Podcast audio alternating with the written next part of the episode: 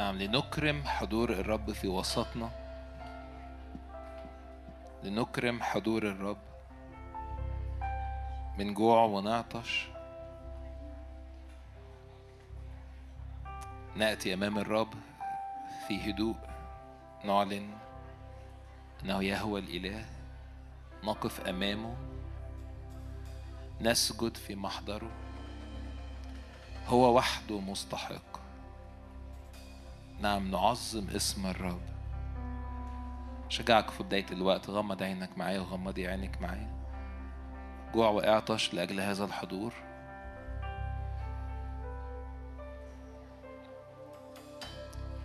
هدئ نفسك وهدئي نفسك أمام الرب. دع فكر الرب يغمرك ويغمرك. نعم يا رب بنطلب إدراك لحضورك في وسطنا. نعم لنقدم عبادة صادقة مرضية أمام الرب. ينفع تقول لي تجد مكان راحة في هذا في هذا الجسد في هذا القلب تجد مكان راحة جوايا. استرح يا رب. في هذا المكان. هاليلويا هاليلويا هاليلويا هاليلويا هاليلويا هاليلويا لأن الله لنا ملجأ وقوة. عونا في الضيقات وجد شديدا. إحنا نعبد هذا الإله لأن هو لنا. هو لنا. هو لنا. هو لنا ونحن له. فشجعك في بداية الوقت.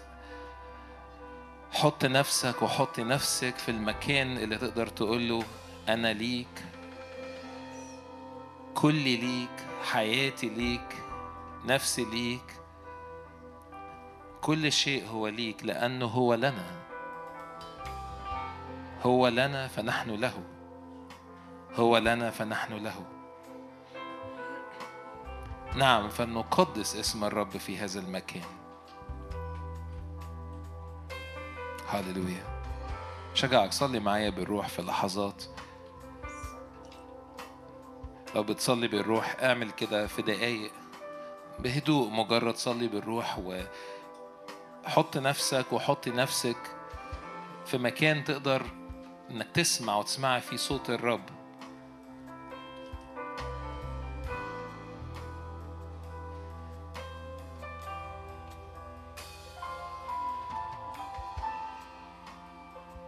هاليلويا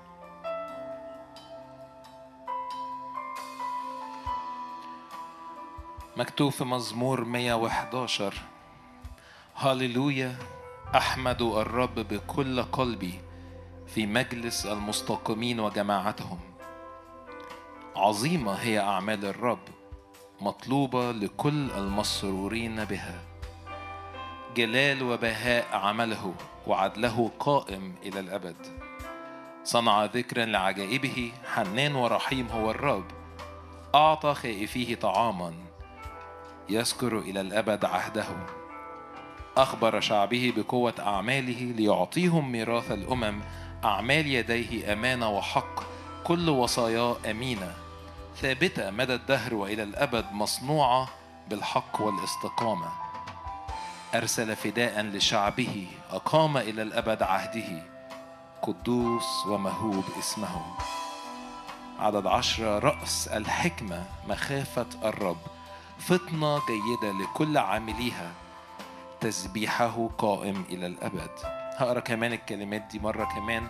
شجع غمض عينك معايا وانت بتسمع الكلمات. صلي بالكلمات ديت. قول له هللويا أحمد الرب بكل قلبي. نعم يا رب بنحمدك يا رب نشكرك لكل حاجة كل صنيعك لعملك في وسطنا في مجلس المستقيمين وجماعتهم. عظيمة هي أعمال الرب مطلوبة لكل المسرورين بها. جلال وبهاء عمله وعدله قائم إلى الأبد. صنع ذكرا لعجائبه. حنان ورحيم هو الرب. أعطى خائفي طعاما يذكر إلى أبد عهده. هو خبز الحياة لنا. أخبر شعبه بقوة أعماله ليعطيهم ميراث الأمم. أعمال يدي أمانة وحق كل وصاياه أمينة. ثابتة متى الدهر والأبد. مصنوعة بالحق والاستقامة. أرسل فداء لشعبه. أقام إلى الأبد عهده. قدوس ومهوب اسم الرب. رأس الحكمة مخافة الرب. فطنة جيدة لكل عامليها. تسبيحه قائم إلى الأبد. أشجعك ارفع إيدك. وصدق إنه هو أرسل فداء. هو أرسل يسوع. هو صنع فداء عظيما لكل من يؤمن به. أقام إلى الأبد عهده. قدوس ومهوب هو اسم الرب. رأس الحكمة مخافة الرب فاعلن مخافة الرب في هذا المكان اعلن مخافة الرب جوه قلبك. لأنه جئنا جئنا للرب جئنا لجبل متقد بنار جئنا لمكان فيه مهابة قدوس اسم الرب. ما بناخدش المكان ده أبدا بطريقة كاجوال لكن بنعلن إنه ده مكانك أنت يا رب ده مكانك أنت قدوس قدوس قدوس قدوس. مهوب اسم الرب. نعم رأس الحكمة هو مخافتك فطنة جيدة لكل عامليها. تسبيحه قائم إلى الأبد. فالمكان اللي إحنا جايين نسبح فيه اسم الرب هو مكان مليان مخافة.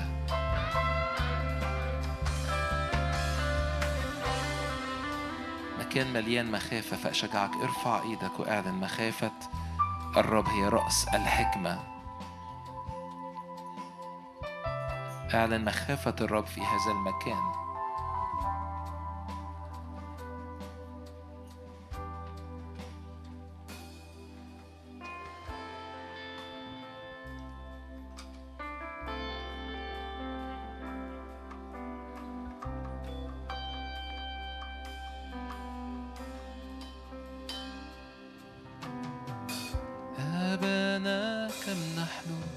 نحبك.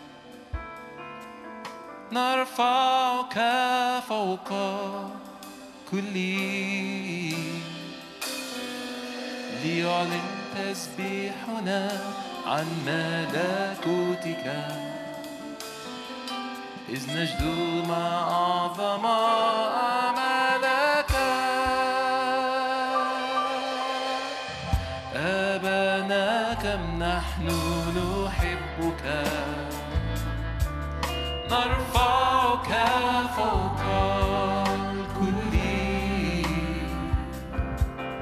ليعلن تسبيحنا عن ملكوتك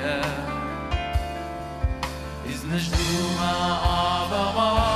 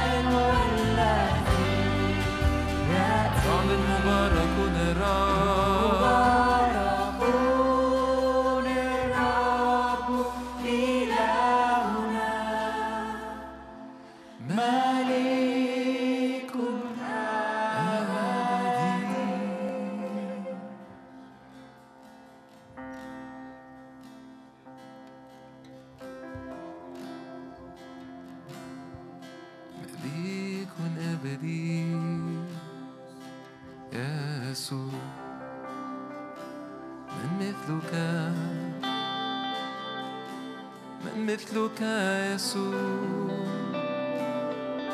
سابح اسمك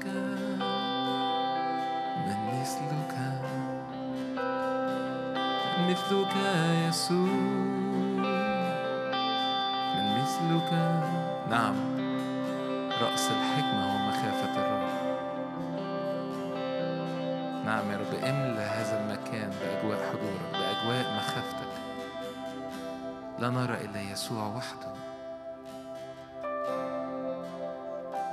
لا نرى إلى يسوع وحده.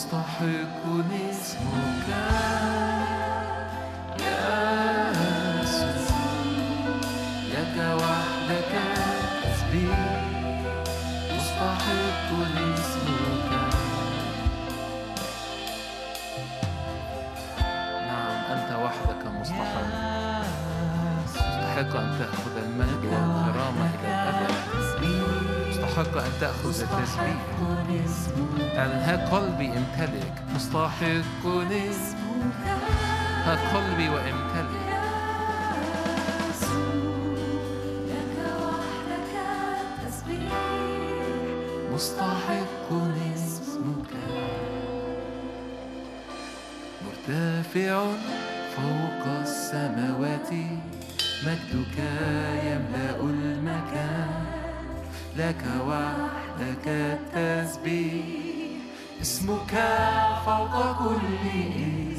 مرتفع فوق السماوات. مجدك يملأ المكان. لك وحدك التسبيح اسمك فوق كل اسم مرتفع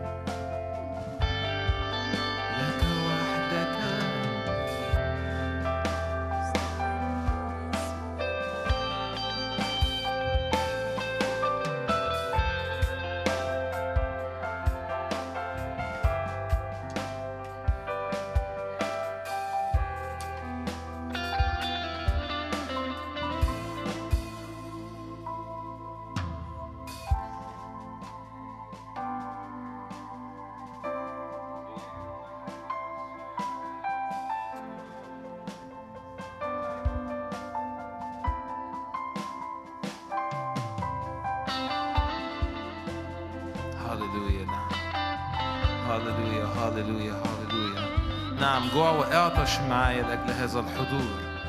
مش مجرد ترنيمة بنقولها لكن ده القلب بيعطش جدا لهذا الحضور.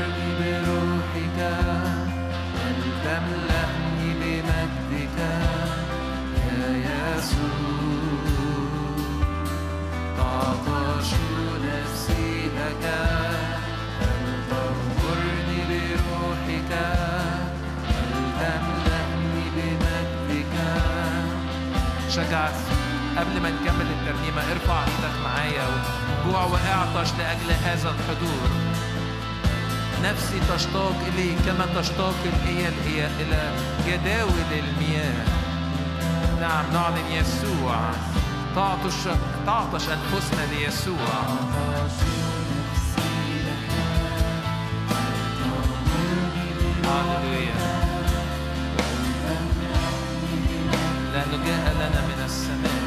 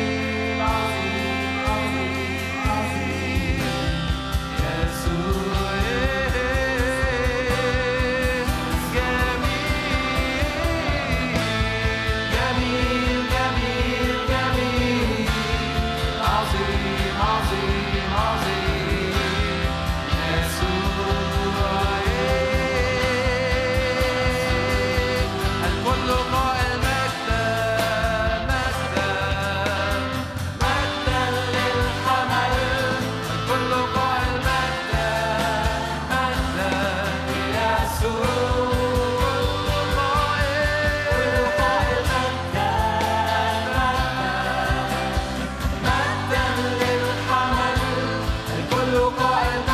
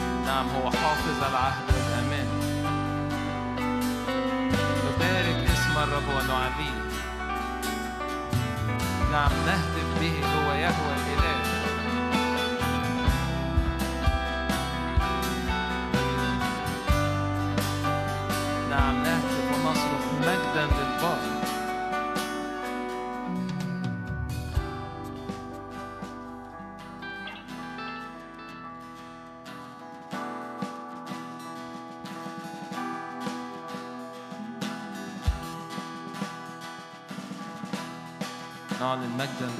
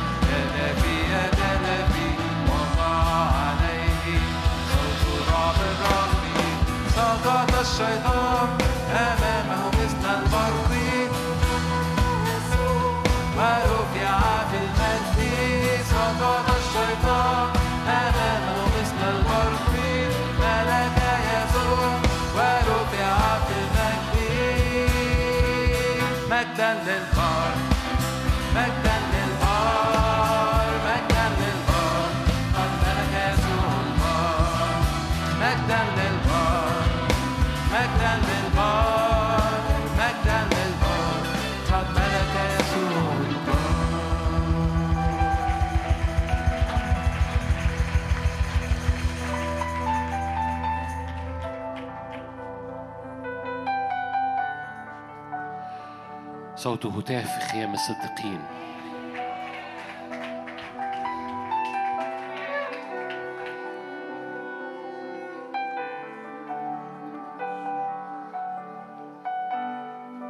رايات غلبة صفوف جيش غالب عروس مرهبة كجيش بألوية مستند على ذراع حبيبها حوله ستون جبار. مركبات وخيل. اسمه مكتوب على فخذه ملك الملوك ورب الأرباب.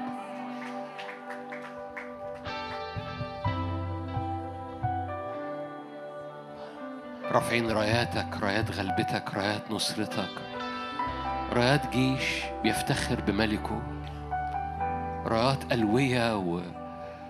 خدمات وأيام وأبطال رافعين رايات. رافعين إيمان رافعين رايات عهد ونعمة ونصرة ومحبة وعلم فوقنا محبة. ألوية وفرق وجيوش.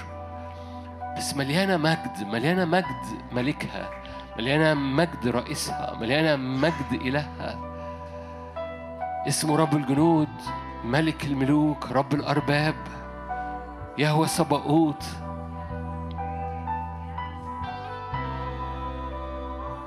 بقوة الملك قوة جيشه قوة الملك قوة إعلانه قوة راياته قوة مملكته قوة حصونه. ولأن إلهنا ملك الملوك فحصونه مملكته أسواره جيشه عظيم جداً. يرسل صوته أمام عسكره لأن عسكره كثير جدا غلبة ونصرة وضمان فتنقل من حالة إلى حالة تنقل من. من الكلام اللي ملوش معنى إلى كرامة سيدك وكرامة ملكك ملكك له كرامة له هيبة له سلطان له جبروت فمن يفتخر فليفتخر بالرب طوبى للشعب الرب إلهه طوبى للشعب الرب إلهه. فارفع إيدك بإيمان في القاعة أو في البيت قاعد أو واقف. هللويا. إلهك لك. إلهك في صفك إلهك لك. إلهك لنصرتك لغلبتك لاختراقاتك لأن الروح ال... الروح اللي موجود جواك بيغار عليك بيشتاق إلى الغيرة. الروح اللي جواك نشيط جدا. بيدفعك لقدام بينجح فيك. الروح القدس الساكن فيك مستعد إنه يتحرك بجمرات وبسرعة وبغلبة وب... ويوريك ويوكلك ويشغلك ويأخدك ويرفعك ويرفع أجنحتك ويفك. كمان يرفع النير عن أعناقك يرفع يشفيك وأنت مش واخد بالك. الروح يحيط بيك. الروح يحيط بأيامك وبأزمنتك فثق معايا أنه الرب لك مش عليك الرب في صفك الذي لم يشفق على ابنه وهبه لك كيف لا يهبك مع ابن كل شيء الرب في صفك. فبيفك الأنيار من على عليك بيوقع الأثقال من على قلبك ومن على نفسيتك بيرفع الرتابة والم... هللويا. والفتور والزهق من على روحك وعلى نفسك. هللويا.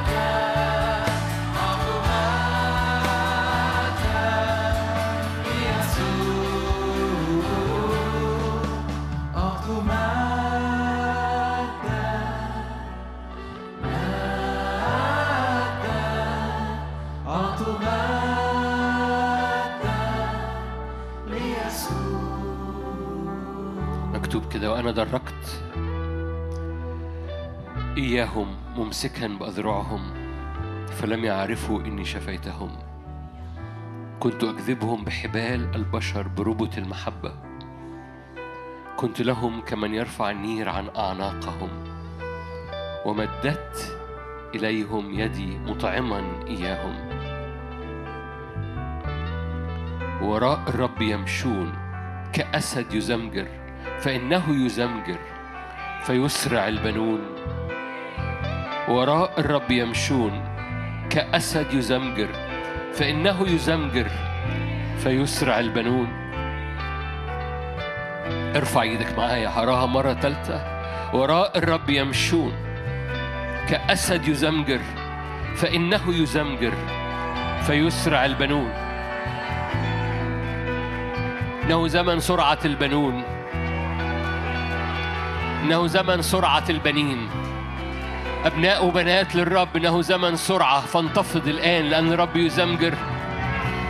وراء الرب يمشون. كأسد يزمجر. فإنه يزمجر. فيسرع البنون. استقبلها جوه روحك. رب عابر أمامنا نار آكلة. الرب عابر أمامنا نار آكلة. هللويا. أي تعطيل هللويا. أي تعطيل ليك. أي إبطاء أيا كان نوعه. تنبأ معايا يسرع البنون. لأن السيد يزمجر. وراء الرب يمشون. كأسد يزمجر. فإنه يزمجر. فيسرع البنون.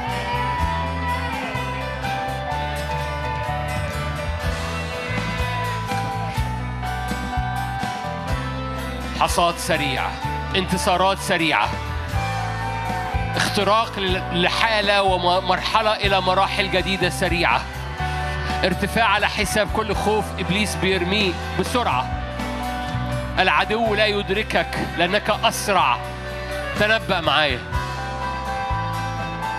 العدو لا يدركك لأن رب يديك سرعة جديدة فيسرع البنون. فقط الخير والرحمة يتبعانك. العدو لا يدركك. فإنه يزمجر فيسرع البنون.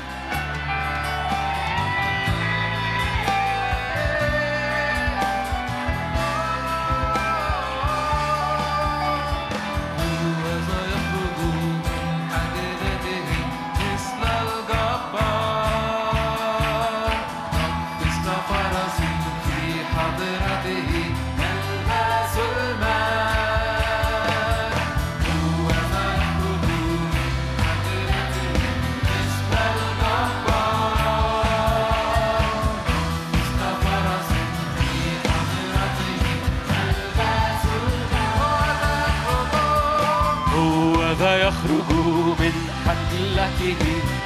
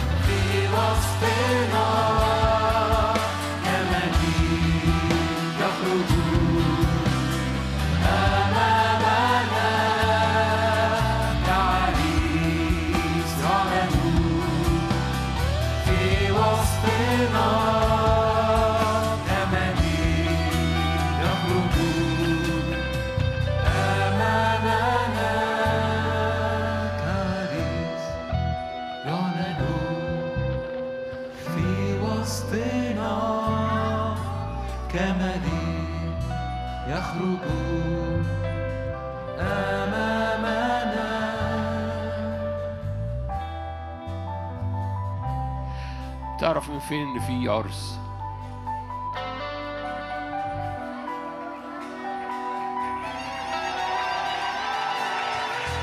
صوت عرس.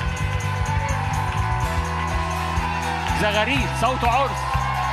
كده صوت عرس آت صوت عرس. يس بس آت من فوق. صوت عرس.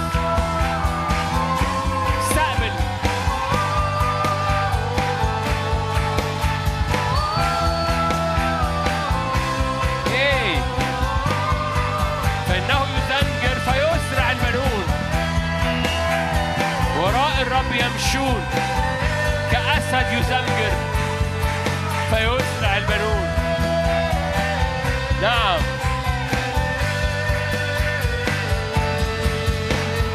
صوت العرس آت نعم زغاريت زينة ومجد. فالرب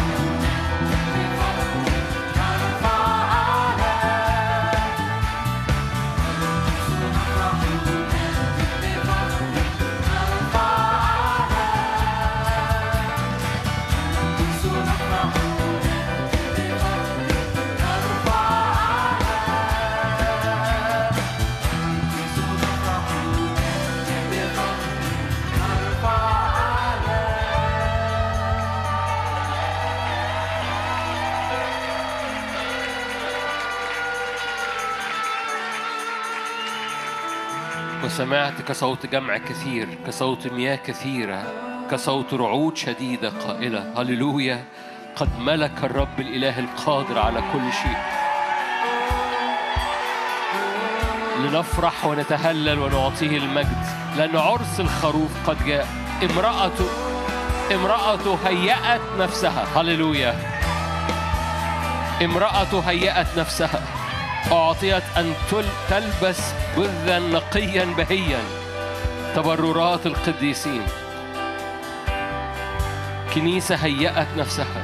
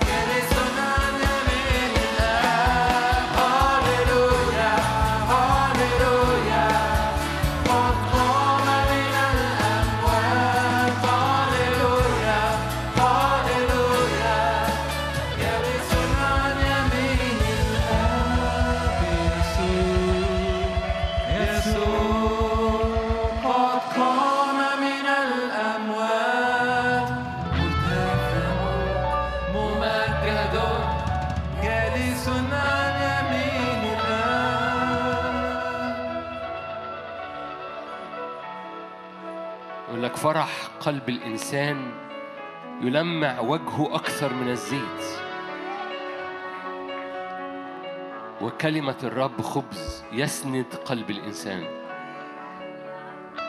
ده اللي إحنا بنعمله. فرح الرب قوتنا وكلمة الرب قوتنا.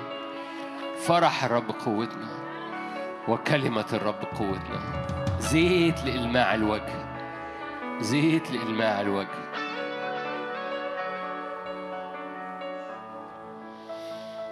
لكل المجد يا رب. آمين. ازيكم اجتماع بسيط. القصة من كل اللي الرب بيعمله في وسطينا انه الرب عمال بيعد العروس.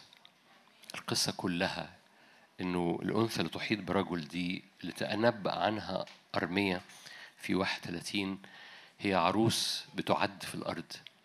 والعروس هي حضرتك وحضرتك والرب عمال بيعدها بنيران وبمسحات وبسلطان وبأسلحة وبمحبته فبينزل كل اللي في المخازن. لو جاز التعبير يعني قلت هذا التعبير كلكم عارفين قلته يعني مش هيخلي حاجة في مخازنه محوشها لما نروح السماء يعني. هيحوشها ليه؟ هو هينزل كل اللي في مخازنه لعروسته في الأزمنة الأخيرة كل ما في قلبه بيسكبه على العروس في الأزمنة الأخيرة دور العروس بس إنها تصدق وتقف في مكانها صح قدامه في الروح وتصدق إن مكانها في الروح مكان مليان مجد ما هو لو الرب ما سكبش مجده على الكنيسة هيسكبها فين؟ لو الرب ما استخدمش الكنيسة عشان يطلق مجده في وجه كل الأرض هيستخدم مين؟ ومقاصد الرب محصورة استثمارات الرب كلها محصورة في ولاده. فحضرتك في مكان يا إما برغم إنك وارث كل شيء تعيش قاصر يا إما تصدق إنك وارث كل شيء وتطلب نقلات النضوج عشان تبقى العروس الناضجة اللي سيدها يثق فيها يثق فيها قلب زوجها. عارفين الآيات دي؟ يثق فيها قلب زوجها. فعرسنا يثق فينا وعرسنا بيثق فينا هو ما عندوش ما عندوش نصيبه في الأرض إحنا وقعنا في أرابيزه. دي مش آية مش عارف ارابيزو دي جاية من فين. ولا عبري ولا يوناني ولا ولا عربي ولا منياوي ولا حتى منياوي. ما هي صعيدي آه بس مش مش مش سوهاج في الأغلب. الأرابيز الإلهية.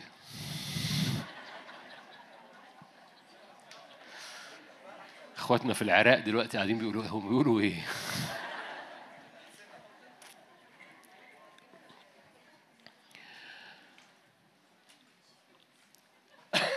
بس في نفس الوقت مش معنى كده إنه ما ما ما نقفش في مكان ننفض من علينا. أنا نصيب الرب فخلاص يعني أنا وقعت في اسمته فخلاص. نو no. إحنا بننفض من علينا الطفولية لأنه لو أنا وارث الجميع وما زلت قاصر لا أفرق شيء عن العبد. لو الرب استثمر كل استثماراته فيا وأنا ما زلت قاصر لا أفرق شيء عن العبد مع كوني وارث الجميع. كلكم عارفين دي في غلاطيا فبننفض من علينا المسكنة أو الشفقة وبنطلب هذه النعمة. تقول لي طب أنا مش قادر. أطلب نعمة. أطلب النعمة. الحديث والتواصل والرؤية والمحبة وال interaction التفاعل. بقول هذا التعبير كتير. الحضور الإلهي تفاعلي. يعني إيه تفاعلي؟ يعني بتمد إيدك وتلمس أمور في الحضور الإلهي والحضور الإلهي بيمد إيده يلمسك.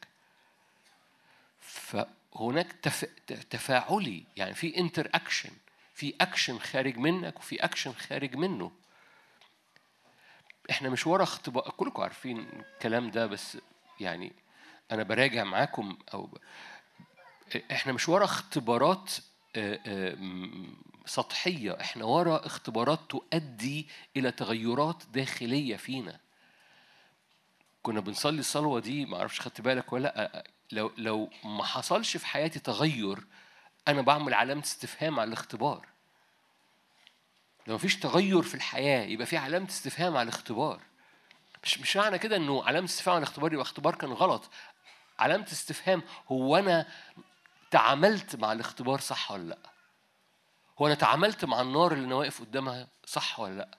وأنا تعاملت مع الحضور الإلهي وسألت الرب زي ما كانوا بيعملوا بالمناسبة كلمة الرب ده في العهد القديم كلمة الرب كتير كانت تبقى صورة. يعني بالمنا... زكريا شاف منارة وزيت نازل وكوس فوق والزيت نازل وزيتون عن يمين وعن شمال. فكان حكيم زكريا أنا بحب هذا الشاهد زكريا أربعة فسأل الملاك ما هو هذا؟ هو ده ده الحكمة إنك لما ترى حاجة ده إيه؟ وتسأل تاني والملاك يقول له أنت مش فاهم؟ قول له أنا مش فاهم. مفيش مشكلة إنك تقول للرب أنا مش فاهم فهمني. مفيش مشكلة تقول للرب أنا مش قادر أسكب نعمة. بس قدامنا يعني كمثال قدامك حاجة من اتنين يعني تقول للرب أنا مش فاهم أسكب نعمة ولا تخرج مش فاهم؟ تقول له أنا مش أنا مش قادر أسكب نعمة ولا تخرج مريت باختبار وأنت زي ما أنت. تطلب قوة تفعل فيك حية وفعالة. ما أعرفش خدت بالك من التعبير حية وفعالة. مليانة energy كلمة فعالة بالمناسبة كلمة energy لما ترجع في اليوناني بتاعها. كلمة تطلق طاقة فيك. آه طب أنا أنا حضرت اختبار حضرت بس ما عادي يعني. عادي يبقى في حاجة مش فعالة. مش معنى كده الاختبار غلط بس معنى إنك اطلب الرب قول له رب خليها فعالة. تقول يعني هو مستني أقول له خليها فعالة؟ يس لأن في بعض الأحيان بيبقى واقفين قدام اختبار وبنتعامل معاه كاجوالي عارفين casually يعني بنقزقز لب قال لبارتيماوس اللي واضح هو عايز إيه وعمال بيصرخ هو عايز إيه. ماذا تريد أن أفعل ليك؟ يعني هو لازم يقول له ان ابصر yes إنك يجب أن تتعامل مع مع النضوج في نضوج. في نضوج في بعض الأحيان ببقى عايز أمسك كتاف البعض كده wake up صحصح. في حاجة غالية قدامك في حاجة غالية في نار حضور الرب الرب عمال بيعد العروس وأنت مدعو من الأبطال. ف wake up كون ما يجب أن تكون عليه لا تستمر كما أنت النهاردة واقف فيه. كون كما يجب أن تكون لأن برا أبطال عايشين بيقزقزوا لب. برا برا برا أرواح مليانة إيمان وعايشة محصورة في في في, في قصص شخصية صغيرة جدا جدا أضيق جدا من المقاس اللي الرب دعاها إنها تعيش فيه. غير خلي بالك الروح اللي جواك بيغير. الروح اللي جواك بيغير وروح رب روح الرب بيغير جدا عليك. كتاب مقدس يقول كده في يعقوب وهذه الغيرة بتتعبك لو انت مش مصحصح هو انت هو هو هو إيه اللي حاصل جوايا؟ هو ليه الدنيا كده م- م- مكعبشة جوايا؟ اس اسأل الرب هو ليه الدنيا كتير هيقول لك روح القدس بيغير عليك. روح القدس مشتاق انك تصحصح وت wake up فلنستيقظ لابسين أسلحة النهار لأن إحنا أبناء نهار مش أبناء ليل. إحنا أبناء نهار يعني عينينا مفنجلة مصحصحة. مستيقظين مدركين ما هي الساعة وما هو الزمن اللي إحنا بنمر بيه. كل اللي بيحصل حواليك ده منتظر خليقة الخليقة منتظرة أبناء مدركين مدركين إن هم واقفين في المجد. مش مدرك مش مش مش عايشين مع الشارع عايشين في الحتة اللي مليانة مليانة مجد أبوهم. لأن مجد أبوهم هو الانتظار اللي منتظراه الخليقة. منتظره استعلان مجد الله في أبناء الله. فجاء الوقت إنك تنفض ال- الطبيعي بتاعك. وتست... أفضل استثمار ممكن تستثمره إنك تستثمر في كرسي جنب تعالي تعالي تعالي في كرسي هنا في كرسي. ما ينفعش. يعني مش نشغلك وبعد كده قاعدك على الأرض كمان ده, ده, ده إيه؟ مش معقول يعني.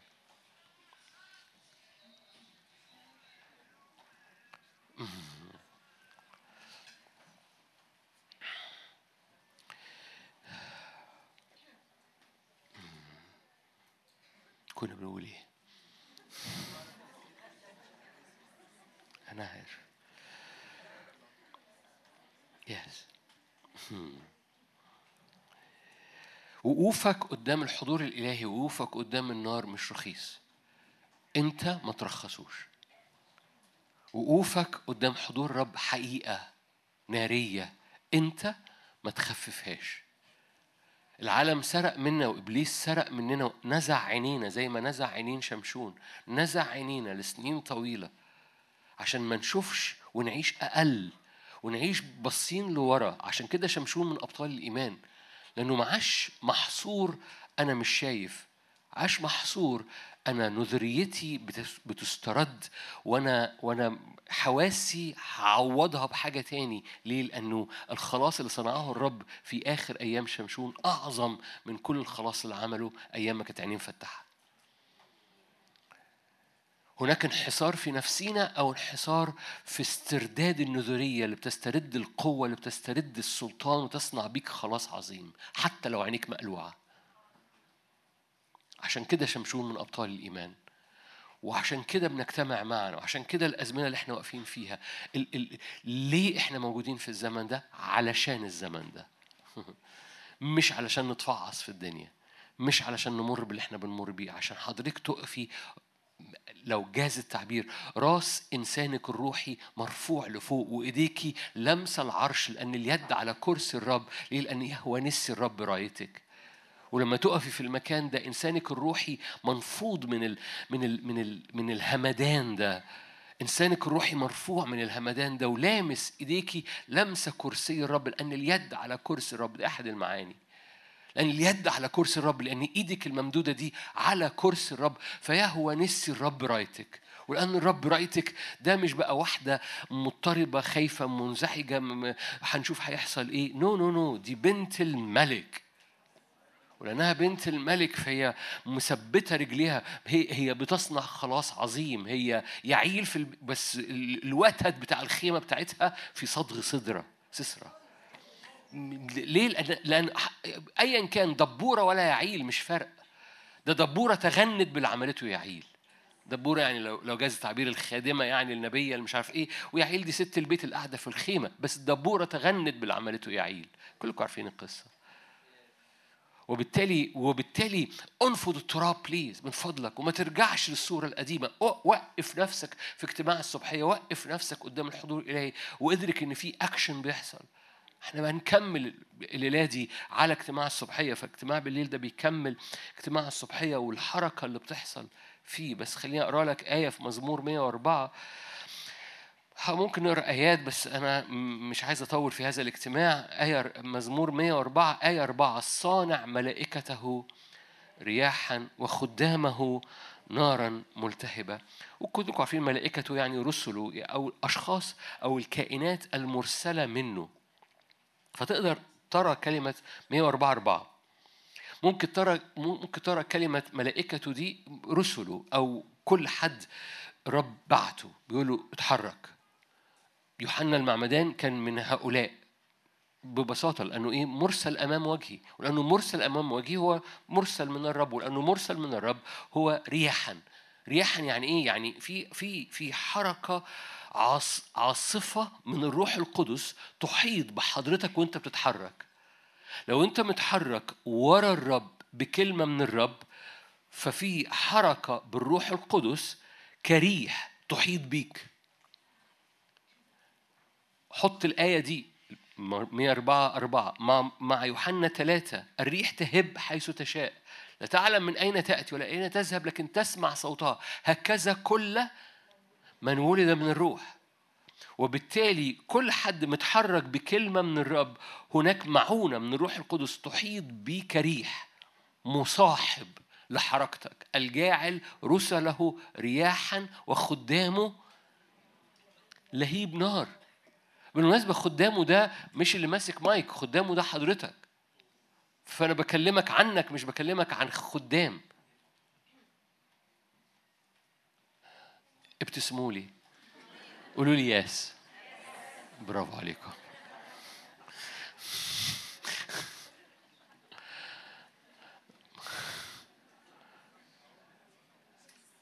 فالجاعل خدامه لهيب نار ده حضرتك ده, ده, ده انت تقوم واخد الآية دي وتقول ده أنا ده, ده أنا خدامه خدامه لهيب نار. واللي واخد كلمة من الرب بيتحرك بيها ده ده متحرك بكلمة من الرب. اذا هو ريح. يعني إيه؟ في ريح مصاحبة لحضرتك. كتاب مقدس يحكي عنها وهنبص الآية كمان شوية. يقول لك في زوبعة محيطة بحركة الروح القدس لما تقف في كلمة الرب. لما بتقف قدام الرب الرب عنده ريح بس مش ريح يعني كده بتصفر كده وحد قاعد على النيل. لا ده ريح كزوبعة تحيط بولاد الرب وهم واخدين كلمة من الرب وبيتحركوا بيها. مش خدوا كلمة من الرب وقعدوا يمصمصوا شفايفهم في البيت. في اكشن بيحصل في الحضور الإلهي. القصة مش اختبارات طايرة القصة اختبارات تؤدي إلى تغير في الطبيعة تؤدي إلى اكشن في الحياة. وبالتالي الوقفة قدام الرب الرب عمال بيعد العروسة المنفوضة من من الشفقة على النفس لكلمات بتعيش بيها ده الاجتماع الأربع لكلمات بتعيش بيها وبتتحرك عليها. ماذا تريد يا رب أن أفعل؟ فبتتحرك بسلطان الكلمة المنطوقة لأن اللي بيتحرك بسلطان كلمة منطوقة هو مرسل من الرب والمرسل من الرب ريح وخدامه لهيب نار. تعالوا نروح لسفر الأخبار الأيام الأول. كنا بنحكي فيه. الصبحية هنكمل عليه. داود استقبل الإعلان استقبل الإعلان لأنه روحه موجودة قدام الرب فاستقبل ما استقبل الإعلان. ما كانش حاصل في خيمة موسى ما كانش حاصل في خيمة داود نفسه لكن استقبل التكنولوجيا اللي بتاعة الهيكل بتاعك. أنتم هيكل الله. مقاصد الرب استراتيجية الرب في الأرض الهيكل. بقول هذه الجملة كتير بس بتعدي من حضرتك. استراتيجية الرب في الأرض في الأرض هو الهيكل. في العهد القديم كان القصة كده. استراتيجية الرب في وسط الشعب في خيمة موسى. استراتيجية الرب في خيمة داوود. استراتيجية الرب بقى في المملكة في الملكوت عشان يثبت ملكوته كان هيكل سليمان. فمقاصد الرب ده لما جه يتكلم عن خدمة الأزمنة الأخيرة فورانا هيكل حسقيال. ليه؟ لأن كل هيكل حواليه مدينة وكل مدينة للرب موضوعة فوق الجبل فالهيكل فوق الجبل والمدينة موضوعة فوق الجبل الهيكل والمدينة الموضوعة فوق الجبل هو خلاص الأمم. فاستراتيجية الرب للعالم هي الهيكل.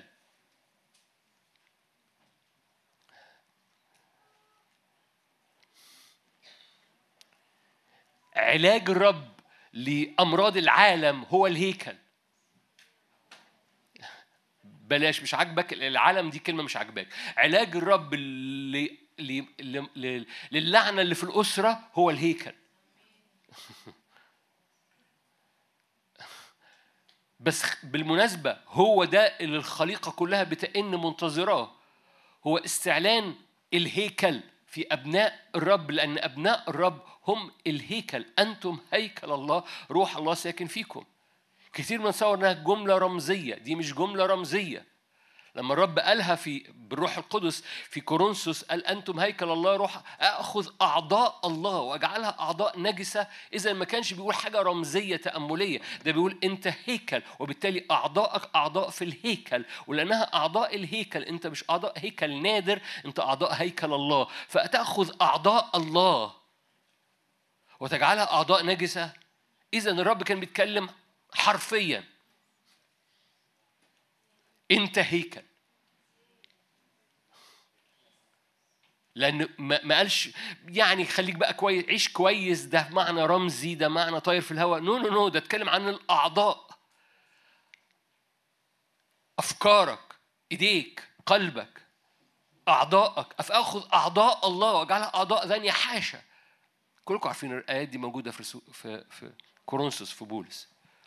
وبالتالي لما قال انت هيكل ما كانش بيقصده بصورة تأملية كان بيقصده بصورة حرفية. جسدك هيكل الرب واللي بيصدق في كده ياما ناس شفيت بسبب هذا الإعلان ببساطة. شفيت جسديا بسبب هذا الإعلان. لما جسدي هيكل للرب حرف أعضائي هيكل للرب اذا أعضائي لا لا تستمر مريضة. ياما ناس شفيت من كده. لن أنسى حد كان بيصلي من أجل okay مش هقول القصة لأنه إن ما اقولش القصة ببساطة أحبائي ال ال الأعضاء بتاع الجسد ممكن تتغير وممكن تتغير طبيعتها ويتغير حتى لو أمور جينية ممكن تتغير. لو لو أنت تغير جينك من جين الأسرة إلى أنا بقيت هيكل للرب. ولأني بقيت هيكل للرب اذا أعضائي بتاعة الرب مش بتاعتي. فكهيكل هناك إعلان كهيكل في مشاوير كهيكل زي ما أعطى داوود سليمان ابنه مثال آية 11 أخبار الأيام الأول 28 11 الايات اللي كنا بنقراها الصبحية بس بنكمل عليها لأن داوود استقبل ثلاث حاجات كانوا اكتشاف مش موجود قبل كده في خيمة موسى وفي خيمة داوود. الرواق المخادع المركبة. والتلاتة بيحملوا أبعاد فالرواق هو الطرقة اللي بتتحرك فيها. ما كانش في رواق في خيمة موسى ما كانش في رواق في خيمة داود بس في رواق في في في في هيكل سليمان.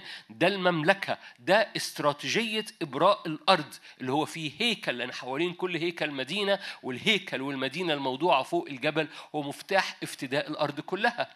جبناها من فين؟ من أشعية اتنين.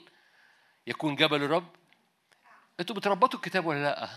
يكون جبل الرب ثابتا فوق الجبال ليه تجري إليه كل الأمم الشعوب يقولون هلم نصعد لأن من هذا الجبل تخرج التشريع. ده في آخر الأيام. وبالتالي المدينة الموضوعة على جبل اللي مركزها هيكل هي المدينة اللي بيل- بيلتجئ إليها الناس في الطوفان. هو هو هو الفلك اللي موجود فوق الجبل هو المدينة الموجودة فوق الجبل اللي مركزها هيكل.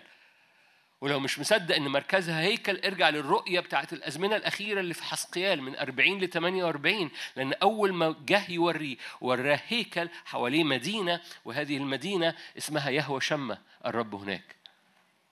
ومعاها تفاصيل مليانة مفاتيح خدمة الأزمنة الأخيرة. فمرة تاني داود بيستقبل جوه روحه قال كلكم عارفين أفهمني الرب كل ذلك آية 19 بالكتابة بيده عليّ.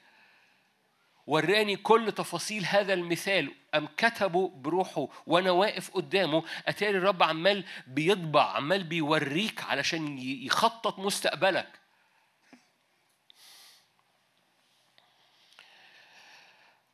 فأعطاه مثال الرواق الطرقة الممشى اللي بيعدي فيه مسالك بين الواقفين أعطاه المخادع وحكينا الرواق والمخادع وإنك بتأكل مخ جميع المخادع آية 12 مثال كل ما كان عنده بالروح لديار بيت الرب ولجميع المخادع حواليه والخزائن بيت الله وخزائن الأقداس. لأن ده اللي أنت بتاكله كلمة الرب وصور الرب والانتراكشن مع النار ومع الحضور الإلهي هو ده اللي عمال بيحصل في حضور ربنا. مرة تاني أنا حريص بس أشاور إنك وأنت في حضور ربنا أنت بترى ما هو يوجد جوه الهيكل. مش بترى آآ آآ أنا أنا بتكلم ما تراه صلاحية ما تراه هو ما يج ما يضع الرب لك جوه الهيكل بتاعك. بمعنى مرة تاني احتياطي لأن بلاقي حاجات خزعبلية بتطلع. مش بترى أو مش بت مش بترى آه، حاجات ليها علاقة ب... بأشخاص وأسحار و... no no no أنا بتكلم اللي أنا بتكلم عليه هو ما يوجد داخل الهيكل اللي بيغيرك أنت. قبل ما تتغير الأسحار حواليك بيتغير السلطان فيك فخلي السلطان جواك يتغير. أما نغير حاجات حواليك أنت بتتملي بنار اتملي أنت بالنار. قبل ما تحكم على الآخرين بالموت عدي أنت بالموت. وخليه يبقى, يبقى خلي الاختبارات تزداد خلي ب... طب بتقولي بس في حاجات بتحصل برايا لازم أديك مثل صغير مثل شخصي. إزاي إزاي إزاي بصلي المؤتمر زي كده؟ أنا بصلي للهيكل تقول لي ده؟ أنت أناني قوي نو no. لما أبتدي أصلي المؤتمر زي كده أنا ببتدي أصلي للهيكل لأن لو الهيكل اتملى هقدر أصلي من أجل أمور تحصل من الهيكل. ولو أمور بتحصل من الهيكل مش بتحصل عشان الوعظة. امور بتحصل عشان التسبيح عشان الترتيبات عشان الإدارة عشان المكان علشان الأجواء علشان حاجات كتير قوي لأن المفتاح بتاع أي حاجة هو الهيكل بس مش أنا بس اللي بعمل كده آخرين أيضا أؤمن إن هم يكونوا بيعملوا كده لأن القصة كلها بتبتدي من الهيكل بتاعك، أنا قلت ليه المثل مش أقصد أقول أنا، أقصد إن لو أنت بتصلي لبيتك صلي للهيكل قبل ما تصلي لبيتك. لأن من من من من الهيكل تخرج الأنهار. Are you here؟ بنصلي من أجل مصر؟ حلو قوي. صلوا من, من الهيكل. وخلي الرب يملى الهيكل لأن إنقاذ مصر الهيكل إنقاذ لبنان الهيكل. القصة مش بقول وعظة القصة استراتيجية الرب لافتداء الأرض هو الهيكل. عايز حاجة تحصل في ولادك؟ اتملي أنت. لأنك لما أنت بتتملي وتقوم حاضن ولادك ولادك بتملوا. اخبط راسك في الحيط عشان ولادك يتغيروا وزعق فيهم عشان يتغيروا و... ابقى قابلني. لكن أول ما أنت تتملي بقلب الآب وأنت تتملي بنار الروح القدس وأنت بتتملي بمحبة الرب وأنت تتملي بأعماق أعمق حضنك اللي كنت بتعمله أول امبارح وما كانش بيجيب نتيجة لابنك بعد ما الرب حفر جواك حضنك بقى بيجيب نتيجة. لأن الهيكل اتغير فالابن اتغير. Are you here? عشان كده من يفتخر ما فيش افتخار ابدا بالأنا القصة كلها. أنت وأنا بنتغير ولما أنت وأنا بنتغير كل حاجة حوالينا بتتغير بحسب الصورة الداخلية الصورة الخارجية.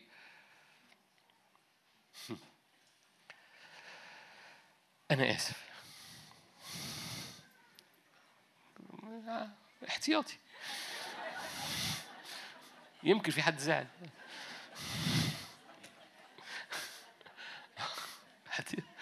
مين عارف؟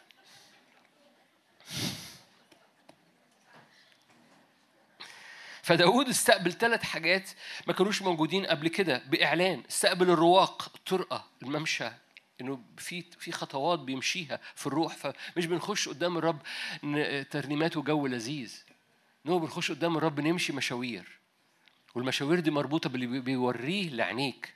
وعطشك لأمور أكتر من من من الرب وحبك للرب ده أنا بلخص معاك اجتماع الصبحية. فحبك وعطشك وتواضعك وعينيك بيمشوك مشاوير. فتجد نفسك بتتنقل لشجرة الحياة وتجد نفسك بتتنقل للنار وتجد نفسك بتتنقل لأمور رب يقوم واخدك فيها الأعماق جديدة والأنهار جديدة والمية جديدة ويقوم وريك مية معكرة. تقول لي مية معكرة؟ آه رب يبرق مياه في أرضك وبيبرق مياه في حياتك اسأله ليه المية معكرة؟ وياخدك لحتة تلاقي المية فيها معكرة. ليه المية والرب يقوم مشاور لك ويقول لك ليه المية معكرة هنا؟ ويحصل ال interaction هذا التفاعل ما بينك وبين الرب. ده ده, ده اللي بيخلي العلاقة exciting ده اللي بيخلي العلاقة جميلة وحية و fresh وصاحبك. خليل. ف نمرة ثلاثة ثالث حاجة داود شافها وهو في الحضور الإلهي مركبة الكاروبيم. آية 18 لمذبح البخور ذهب مصفى بالوزن وذهب لمثال مركبة الكاروبيم الباسطة أجنحتها المظللة تابوت عهد الرب.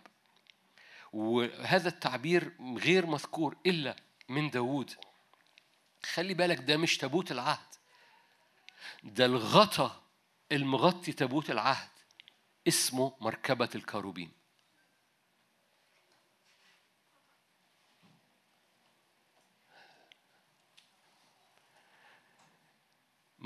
مثال مركبة الكاروبيم الباسطة أجنحتها المظللة تابوت عهد الرب. إذا الهيكل في مركزه في تابوت العهد وتابوت العهد متغطي يعني الحضور الإلهي غطاه مركبة مليانة أجنحة. إذا تابوت العهد عبارة عن أكشن لأنه عبارة عن مركبة. لو المركبة ملهاش عجلات وما بتروحش مشاوير ما بقاش اسمها مركبة بقى اسمها صنم. واقف في مكانه.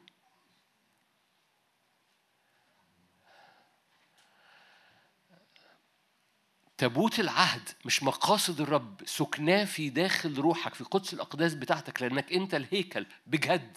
فقدس الأقداس ده مليان حضور رب مليان شريعة. فكده أضع نواميسي في قلوبهم أكتب شريعتي في أرواحهم لأنك ليه؟ لأنك الهيكل. ولأنك الهيكل قدس الأقداس موجود في قلبك. فحط الله حط لو حي الشريعة في لو حي قلبك. الكلام كان بجد ما كانش تأملات. الرب جاد جدا في محبته جاد جدا في خلاصه جاد جدا في دعوته جاد جدا في جيشه جاد جدا في تكليفه جاد جدا في حكمته واستراتيجية الهيكل فيك علشان من خلال وقفتك قدام الهيكل الموجود في السماء وتابوت العهد. في حاجة بتتنقل في حياتك عشان تبقى فعلا هيكل حواليه مدينة والمدينة والهيكل فوق جبل قدام الرب فتخرج الشريعة. بكرة هنتكلم على الأمم. وإزاي الحركة دي بتحصل للأمم. بس النهارده بتكلم على مشاويرك اللي بتقعها قدام الرب. إذا مقاصد الرب للشريعة الموجودة جواك إنها تبقى مكه... م... م... لو جاز التعبير مكهربة مستنية بس. فاكرين فاكرين بولا؟ فاكرين ال- ال- السديري وال مستنياه بس يفتح السداري. مس- مستنياه يفتح السديري حد فاهم حاجة؟ فين بولا؟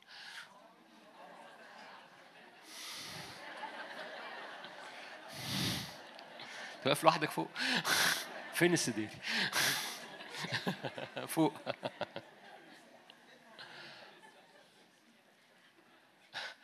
فالخليقة منتظرة إنه يفتح سديري. بمعنى إيه؟ بمعنى إنه الستاير بتاعت نفسه والستاير بتاعت جسده مفتوحة لأن من جهة يسوع هو فتح الستارة بس من جهتي أنا أنا محتاج أفتح الستارة وراء الرب. ليه؟ لأن جوايا تابوت العهد فوقيه مركبة نارية ملقانة أجنحة مكهربة مستنية بس يعني مستنية حد يطلقها مستنية حضرتك تطلقها.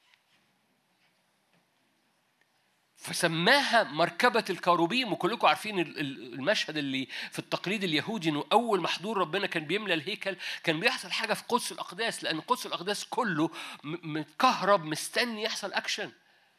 بس مستني من جهتنا إحنا. هو من جهته فتح الحجاب أسلم الروح وقال قد أكمل فانشق الحجاب من فوق لأسفل. بس مستني من جهتنا إحنا نفتح الستارة نفتح السديري بتاعنا. علشان من من من المفارق النفس والروح بتاعتنا تجري أنهار. تخرج المركبة النارية. ليه؟ لأن مقاصد الرب نحاك وأنت واقف قدام الرب بيحصل هذا النشاط الروحي، هذه الرياح الروحية الجاعل رسله رياحا وخدامه لهيب نار لأن الرياح دي رياح نارية وهذا التعبير رياح النار أو الزوبعة النارية ده تعبير كتابي هنبص ليه موجود في كتاب مقدس. إن في حاجة اسمها زوبعة نارية هو ده اللي حصل في أعمال اتنين كانت زوبعة نار واستقرت النار على راس كل حد. ليه؟ لأن تابوت العهد جه استقر على الكنيسة كلها كهيكل. أنا ليه عمال بقول لك كده وبربط لك حاجات كتير عشان تدرك الأمور بجد؟ عشان لما تقف بعد دقايق أو مش سوري مش تقف بعد دقايق. لما تقف في البيت لما تروح السويس تروح الإسماعيلية تروح سوهاج وتقف قدام الرب في أوضتك لوحدك ومفيش موسيقى مفيش ميكروفون مفيش أي حد أنت مدرك أنت واقف في مكان مقدس جدا ناري جدا. ده المكان الطبيعي بتاع سكك الروح بتاعتك وسكك الروح مش معتمدة على مؤتمر ولا على خدمة ولا على موسيقى لكن سكك الروح معتمدة إنك أنت هيكل وأنت شايف كده. فبتقف قدام الرب والرب يقوم موريك فتتحرك وتبقى واقف ومدرك قدام الرب إن فوق روحك فوق قدس الأقداس. هذا الغطاء مكهرب. كأنه كأنه مستنيك تطلقه. ولو اطلقته الروح بيغار جدا الروح نشيط جدا. فاكرين لما ناموا في. في. في جسيماني قال لهم بصوا خدوا مفتاح يخليكم ما تناموش في جسيماني وانتوا حزانة. ونفسي حزينة جدا حتى الموت. وكانت ليلة تقيلة ليلة كئيبة. ما قدروش يناموا. لو إحنا كنا موجودين فيها كان زماننا بنشخر. بس بس يسوع كان بيقول حاجة مهمة جدا. خلي بالك إن الروح جواك مركبة. ممكن تخليك في ليلة مثل هذه. امبارح قلت لكم طرق الرب موجودة في البرية يعني مش في المكان المريح بيعمل طريق تتمش مسالك قدام حضور نو طرق الروح جوه البرية. وبالتالي إطلاق روحك واختباراتك الروحية علشان البرية علشان. عشان ليلة مثل جسيماني روحك يبقى نشيط لأن تابوت العهد عبارة عن مركبة الكاروبيم. يعني إيه؟ يعني عجلات وأجنحة. ما هو مركبة يعني عجلات وكروبيم يعني أجنحة. فأنا مش مش بتكلم عن حاجة عجيبة بتكلم عن حاجة كتابية لحضرتك ولحضرتك. لأن أنت عارف إن روحك له سرعة وله أجنحة وإنه م- باطل تنصب الشبكة لروحك لأن باطل تنصب الشبكة لكل ذي جناح. ده الكتاب مقدس. ده الكتاب مقدس. ما, بتعجبنيش الصور دي. مش أنا اللي اخترعتها هو اللي قالها. ولأنه كلمته حية وفعالة. فعالة يعني active بتخش إلى مفرق فاكرين بولا؟ فاكرين السديري؟ فاكرين ال layers بيخش إلى هذا المفرق ويقوم مطلع حياة مفعل activate energy أوكي. نادر.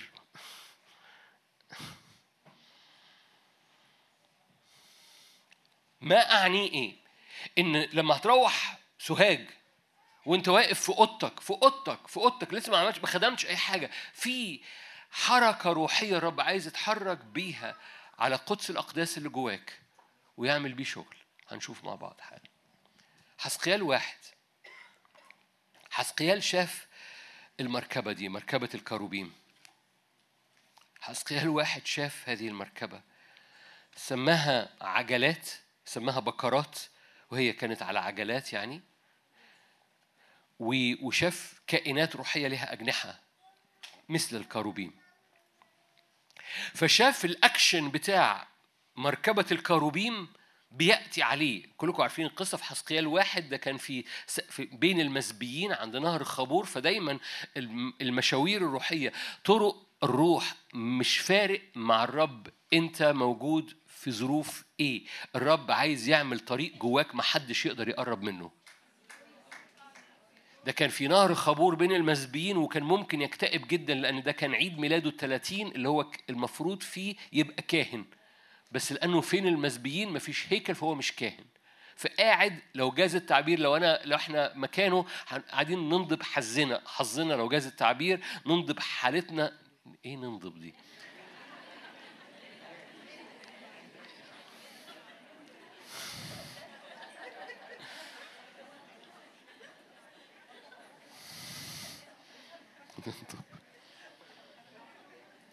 شيخ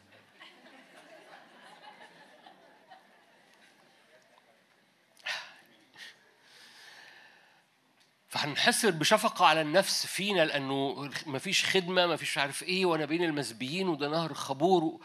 لكن في هذا المكان في هذا الزمن في هذا اليوم في الثلاثين من من من من من تواجده المفروض يبقى موجود في الهيكل شاف طريق.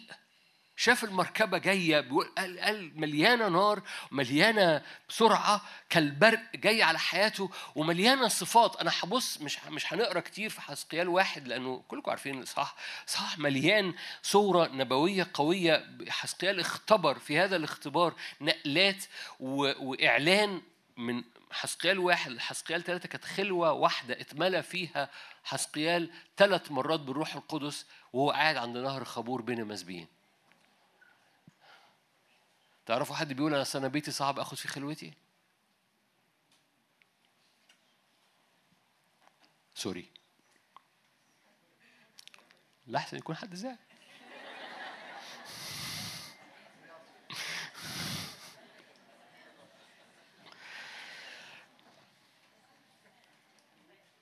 فهذا الطريق طريق اللي في الروح ده ده طريق مقدسة. الأشعية 35 هذه الطريق المقدسة لا يصعد عليها وحش أسد لا يوجد هناك حتى الجهال فيها لا يضلوا هي طريق مفتوحة هي highway جاهز لحضرتك إنك تسكن فيه مش تزوره في الاجتماعات. ولما الكنيسة توصل ان إن بتتحرك في هذا ال highway طول الوقت هي بتتحرك في حرية وسرعة وحركة ونار هي احتياج في الأرض اللي إحنا موجودين فيها في الزمن ده. لأن هذه الطرق مش طرق نزورها لكن طرق نسلك ونسكن فيها. هي طرق الرب فيكي طرق الرب جوه الهيكل بتاعك طرق الرب جواك. فمرة تاني هو الرواق هو المخادع وهو مركبة الكروبيم الثلاث إعلانات اللي داود شافهم بحكمة إعلانية عن هيكل سليمان. أوكي أول حاجة هبص عليها في القصة دي آية 16 منظر العجلات بتاعت المركبة وصنعتها كمنظر الزبرجد. يعني إيه؟ ده ده حاجة سماوية. وللأربع شكل واحد أربع عجلات أربعة منظرها وصنعتها كأنها كانت بكرة أو عجلة وسط عجلة هذا التعبير جميل يقول لك وبيمشوا حيثما صارت العجلات بمعنى إيه؟ يعني في عجلة داخل عجلة في هذه المركبة النارية. معنى بسيط صغير. هناك حركة داخلية لأن في عجلة جوه عجلة. حركة داخلية بتقود إلى حركة خارجية. هناك اكشن داخلي حواليه اكشن خارجي. عجلة داخل عجلة. أنتوا هنا؟ وانت واقف قدام الرب الرب يفعل فيك عجلاتك الداخلية عشان يفعل فيك عجلاتك الخارجية ولأنه المركبة دي ماشية على هذه النوع من الحركة الروحية. هي حركة مربوطة بأكشن بيحصل جواك يؤدي إلى أكشن بيحصل براك. وده اللي بيؤدي إلى ثبات هذه المركبة أو ثبات حركتك الروحية. مفيش حاجة بتحصل بره مش مربوطة بعجلة داخلية. مش مش مش كلمة جديدة بالنسبة لك بس أهي في الكتاب مقدس. هذه المركبة النارية معتمدة على حر على أفعال إلهية عميقة في داخل روحك من قداسة من نور من إعلان من كلمة تؤدي إلى حركة خارجية من استخدام من مسحة في الأزمنة اللي جاية. أشخاص كثيرين بيختبروا استخدامات مفاجئة لم ما خطرتش على بالهم. أشخاص كثيرين بيختبروا شفاءات ما كانوش متصورين إنها ممكن تحصل. أحد الاختبارات اللي جات لي قريب بتجيلي اختبارات كتيرة مشجعة وما بلحقش أقول ولا حاجة منهم. بس أحد الاختبارات واحدة ست قالت لي كنت متضايقة جدا منك متنرفزة منك باجي الاجتماع الأربع ومعايا واحدة تعبانة وكل مرة تقول مش هصلي عشان لازم نخرج بسرعة اللي بيحضروا الاجتماع الأربع عارفين القصة دي. فكل مرة أجيبها وهي تعبانة. وكل مرة لغاية لما الست نفسها زهقت. هللويا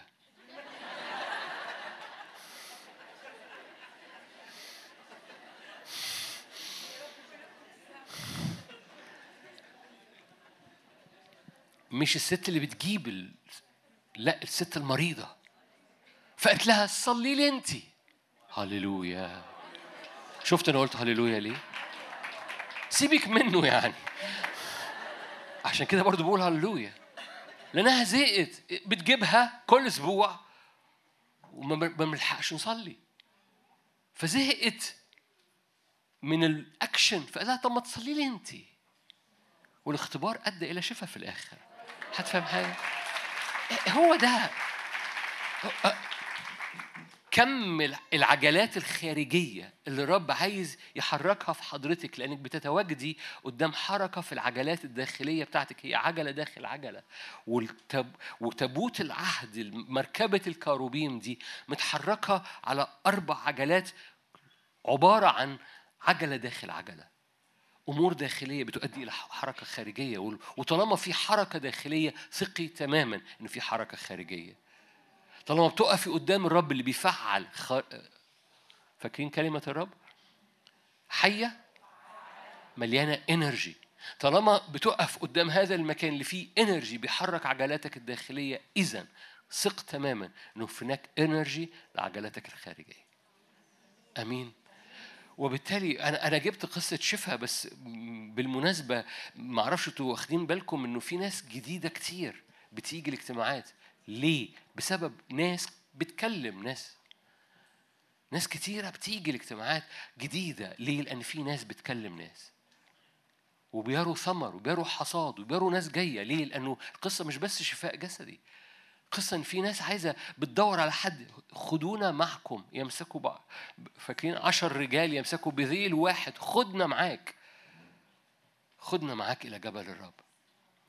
فدي أول حاجة في مركبة الكروبيم هي عجلة داخل عجلة تاني حاجة آية 18 أما أطرها الإطار بتاع هذه العجلات فعالية ومخيفة أطرها ملقانة عيون حواليها للأربع عجلات. فأثار الحركة الداخلية دي ملقانة ريفيليشن ملقانة إعلان. أحبائي من فضلك لفترات طويلة أنا مش محتاج أكلمكم أنتوا أنتوا أكيد مدركين عم ولا ما كنتش حضرت مؤتمر زي كده. اجنحة وعجلات ربنا يسامحك.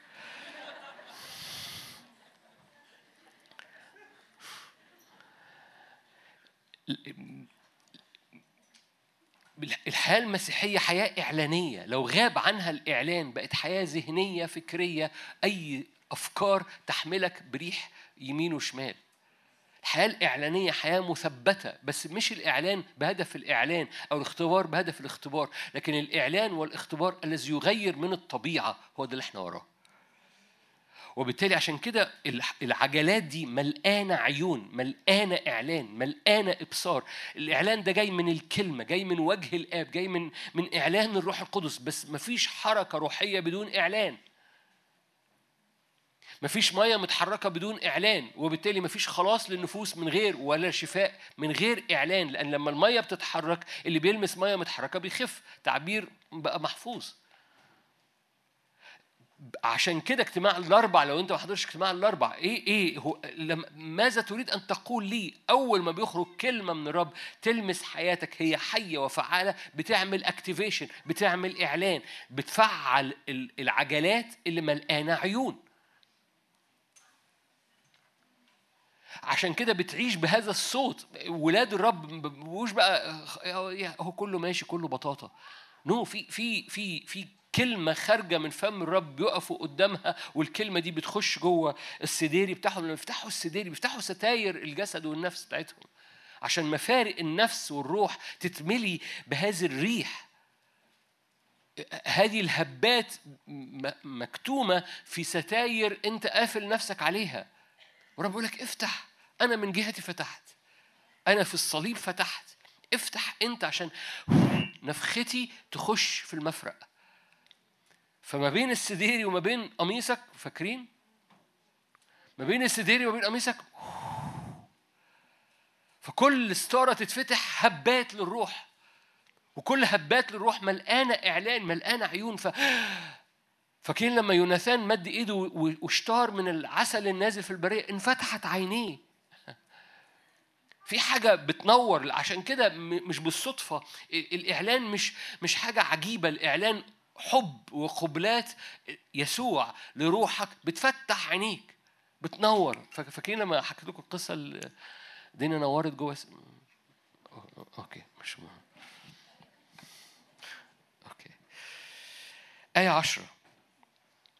إحنا أنا عمال بحكي لكم إيه؟ بحكي لكم عن تكنولوجيا مركبة الكروبيم. فتكنولوجيا مركبة الكروبيم هي حياة داخلية حوالي- حواليها حياة خارجية. الحياة الداخلية اللي حواليها حياة خارجية دي ملآنة عيون فبز مكهربة مليانة مليانة إعلان مليانة مليانة كلام من الرب ليك. okay. آية عشرة. أما شبه وجوهها الكروبيم دي فوجه إنسان وجه أسد لليمين وجه ثور من الشمال وجه نسر لأربعتها. وجه إنسان وجه أسد وجه ثور وجه نسر لأربعتها إذا مركبة الكروبيم دي لأنها عجلات وأجنحة كروبيم الكروبيم دول بيطلقوا في روح في في نفسك الأربع أوجه دول. تقول الأربع أوجه دي مش بتاعتي يقول لك لا الأربع أوجه دي بتاعتك. حتى الكتاب مقدس احتياطي لو أنت مش مدرك إن الأربع أوجه دي الرب بيطلقها في داخل إنسانك الباطن إنسانك الروحي. عشان كده الكنيسة الأولى لما جت تشبه الأربع أناجيل شبهتهم بنسر وأسد عارفين كده ليه عشان يقول لك إنه كل وجه من دول هو إعلان يسوع المسيح من كل إنجيل ولأن كلمة الرب جواك فالرب يطلع هذه هذا الوجه في داخل إنسانك الباطن ده وجه يسوع المسيح جواك. وبالتالي خليني مش عايز أقعد أحكي في القصة دي عايز أتحرك بيك في القصة دي. لأن في أزمنة أنت بتبقى محتاج جدا وجه النسر. في أزمنة بتبقى محتاج جدا وجه الثور ثبات وصلابة لأن الحرب شديدة قوي وأنت مش عايز ترجع لورا. والرب يقوم مدي لإنسانك الباطن وأنت واقف قدام الرب مر- مر- مركبة الكروبيم دي بتطلع فيك هذا الطور اللي مهما كانت الحرب عاصف قدامك أنت بوش لقدام أنت بوش لقدام هو الطور كده كلكم عارفين القصة انه بقولها دايما هذا كل الحيوان أي حيوان لو وقفت قدامه وزقيته بيرجع لورا ما عدا الطور. معظمكم عارف القصة دي وسمعها كل حيوان لو وقفت قدامه أسد وقفت قدامه وزقيته بيرجع لورا عنده خطوة لورا ما عدا الطور طور. نعمل فيه إيه؟ طور. فالرب بيقول لك بص ده احد المعاني. في في معاني كتيرة ل- بس بس احد المعاني بيطلق فيك هذا تقول لي ما في في حاجة عمالة بتزقني أرجع لورا. أقول لك بس على فكرة مركبة الكروبيم جواك عندها الصلاحية إن مهما كان العاصف مرمي عندك أنت عندك هذه الإمكانية إنك تبوش لقدام الحرب غير عادية عندك هذه الصلاحية إن الأسد ياخدك ويتحرك بيك لقدام. خلي بالك ده على عجلات. وهذه العجلات مليانة إعلان. فأنت واقف قدام الرب وترى هذا الأسد اللي خارج من إنسانك الباطن من مركبة الكروبيم لأن فاكرين القصة علاج اللي بيحصل في حياتك هو الهيكل. والهيكل فيه قدس أقداس وقدس الأقداس فيه مركبة كروبيم ومركبة الكروبيم فيها وجه أسد. علاج اللي بيحصل في حياتك هو إنك ترفع ترفع أجنحتك لل من فوق اللي بيحصل والضغطات اللي عمالة بتحصل تحته. ياه من يأخذني؟ من يحملني إلى أرض سلام؟ من يحملني ويرفعني فوق المواجهات؟ من يحملني ويدي روحي إعلان؟ من يأخذني بأجنحة النسر حلو قوي خلي علاج اللي بيحصل هو الهيكل والهيكل في قدس أقداس وقدس أقداس في مركبة كروبيم مركبة كروبيم فيها وجه النسر بس أقف قدام هذا الحضور الإلهي وتحرك ورا النسر انت هين انت قاعد في البيت في سوهاج انت قاعد لوحدك في البيت في سوهاج والدنيا والعيلة كلها مقلوبة بره بره الأوضة. بس حضرتك في الأوضة في حتة تاني. ليه؟ لأن في مركبة كروبيم في طريق محدش يقدر ياخده منك. انت اللي بتقفله انت اللي بتقفل ستايرك أو انت اللي بتفتح ستايرك. هذه الطريق تسلك فيها تعيش فيها مسالك بين الواقفين قدام الرب. الطريق دي بتاعتك طريق مقدسة. هي لهم. هي لهم يسلك فيها المفديين. بس دي بتاعتك. إحنا اتضحك علينا فترات طويلة فحاول طب مش عارف إيه طب في حاجة في حاجة موجودة جواك مستنية اللي يطلقها مستنية اللي يفتح السديري ويقوم فاتح فاتح ال- ال- الجاكيت اللي بره فاتح السديري ومن بطنك تجري.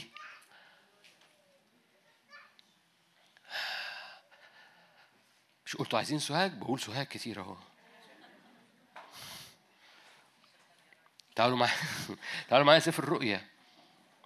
أنا بحكي عن أنا الصبحية حكيت عن الرواق والمخادع. أنا دلوقتي بحكي عن مركبة الكروبيم سفر الرؤيا. لأن مركبة الكروبيم جواك بس أنت مش طالقها.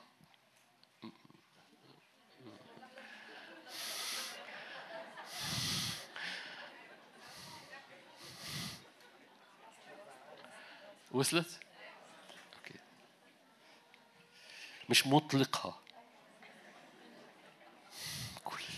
بحاول أجيب الجمله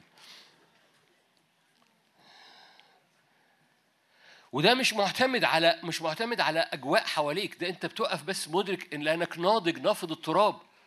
فانت في ظروفك وانت في حالاتك بس ال ال في انت مدرك ان في ممشى في مسالك بين الواقفين في مخازن بتاكل فيها الإعلان وفي حركة بعجلات داخلية وخارجية جاهزة إنها تطلق أول ما بتقف قدام الرب والرب هيفعل هذه العجلات فيك. في بعض الأحيان أنت بتقول له يا رب أنا محتاج الأسد يخرج. ما أعرفش عنك أنا كتير بقف قدام الرب أنا محتاج إن ال- ال- الطور يخرج. في بعض الأحيان أنت محتاج الإنسان يخرج. لأن في بعض الأحيان ما بنعرفش نبقى إنسان من غير وجه الرب فينا. في بعض الأحيان بنبقى بايخين قوي. بنبقى أقل من إنسان تبقى محتاج وجه الإنسان يخرج. أنا مش عارف أحب. أنا مش عارف أغفر مش عارف أكون إنسان مع فلانة أو مع فلان. فبتحتاج وجه الإنسان يتقدمك. ولما المركبة تتحرك بتجد نعمة إنك تعمل كده. كتير بطلب وجه التور يخرج ليه؟ لأن أنا محتاج لأن أنا واقف قدام الرب وفي عاصف جاي. فأنا بفعل المركبة أنا اللي بطلق المركبة أنا محتاج هذا الوجه يخرج. وعارف إنها وبشوف المشهد جوايا لأن الرؤية بتساعد بتديك تغير بتديك حق الامتلاك اجتماع الصبحية. أوكي. أنتوا كويسين أنتوا جمال. رؤية أربعة. رؤية أربعة. رأيت على العروش 40 و 24 شيخ جالسين متسربلين بثياب بيض وعلى رؤوسهم أكاليل من ذهب آية خمسة من العرش يخرج بروق ورعود وأصوات وأمام العرش سبع مصابيح نار متقدة هي سبع أرواح الله وقدام العرش بحر زجاج شبه بلور وفي وسط العرش وحول العرش أربع كائنات ملقانة عيون من قدام ومن وراء الكائن الأول شبه أسد الثاني شبه عجل طور يعني الثالث له وجه مثل وجه إنسان والرابع شبه نسر والأربع كائنات لكل واحد منها ست أجنحة من داخل ومن داخل مملوءة عيون لا تزال نهارا وليلا قائلة قدوس قدوس قدوس تكملة الآية. إذا ببساطة يوحنا شاف الأربع كائنات المركبة النارية مركبة الكروبيم شافها موجودة في سفر الرؤيا بس خلي بالك وهو شايفها شافها متحركة ما بين سبع مصابيح. فأتاري حركة المركبات الروحية دي أو حركة المركبات النارية المليانة أوجه هي متحركة حوالين السبع مصابيح التي تحيط بالعرش. قلت هذا التعبير كتير. وأنت بتتقدم قدام العرش نتقدم بثقة إلى عرش عرش النعمة بتخبط في سبع مصابيح. وأنت متحرك بالمركبة النارية اللي لها أسد ونسر وطور وإنسان جوه إنسانك الباطن حواليك في سبع مصابيح نار بتصطدم بيهم أو كأنهم عاملين ستارة بتعدي في وسطيهم. أنتوا هنا؟ هو ده المشهد. أنا بوصف لك المشهد بس علشان تبقى مدرك الحالة الروحية لما بتقف قدام الرب. نتقدم بثقة إلى العرش. هو ده العرش. العرش ده مليان انتر اكتف مليان أصوات ورعود وبروق. هو حياة مليان أمور حية وفعالة قادرة إنها تغير وتعدي إلى مسامك إلى مفارق النفس والروح والجسد. ما بيخرج منها هذه الأنوار هذه بت- بتغير من طبيعتك فأنت متحرك لقدام وبتتقابل بهذه الرعود والبروق والأصوات اللي خارجة. هنبص على الاصوات حالا فبتتقدم بالأسد بتتقدم بالنسر بتتقدم بالاحتياج اللي موجود فيه. وأنت بتتقدم بتعدي بستارة لو جاز التعبير أو بمصابيح من نار مشتعلة.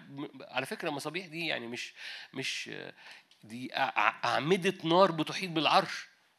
دي سبع إظهارات الرب الروح القدس الموجودة الرب الملك الحكمة والفهم المشورة والقوة المعرفة ومخافة الرب والرب كانت لذته في مخافة الرب. فبتتقابل مع عواميد نار مخافة الرب حكمة الرب مشورة الرب قوة الرب.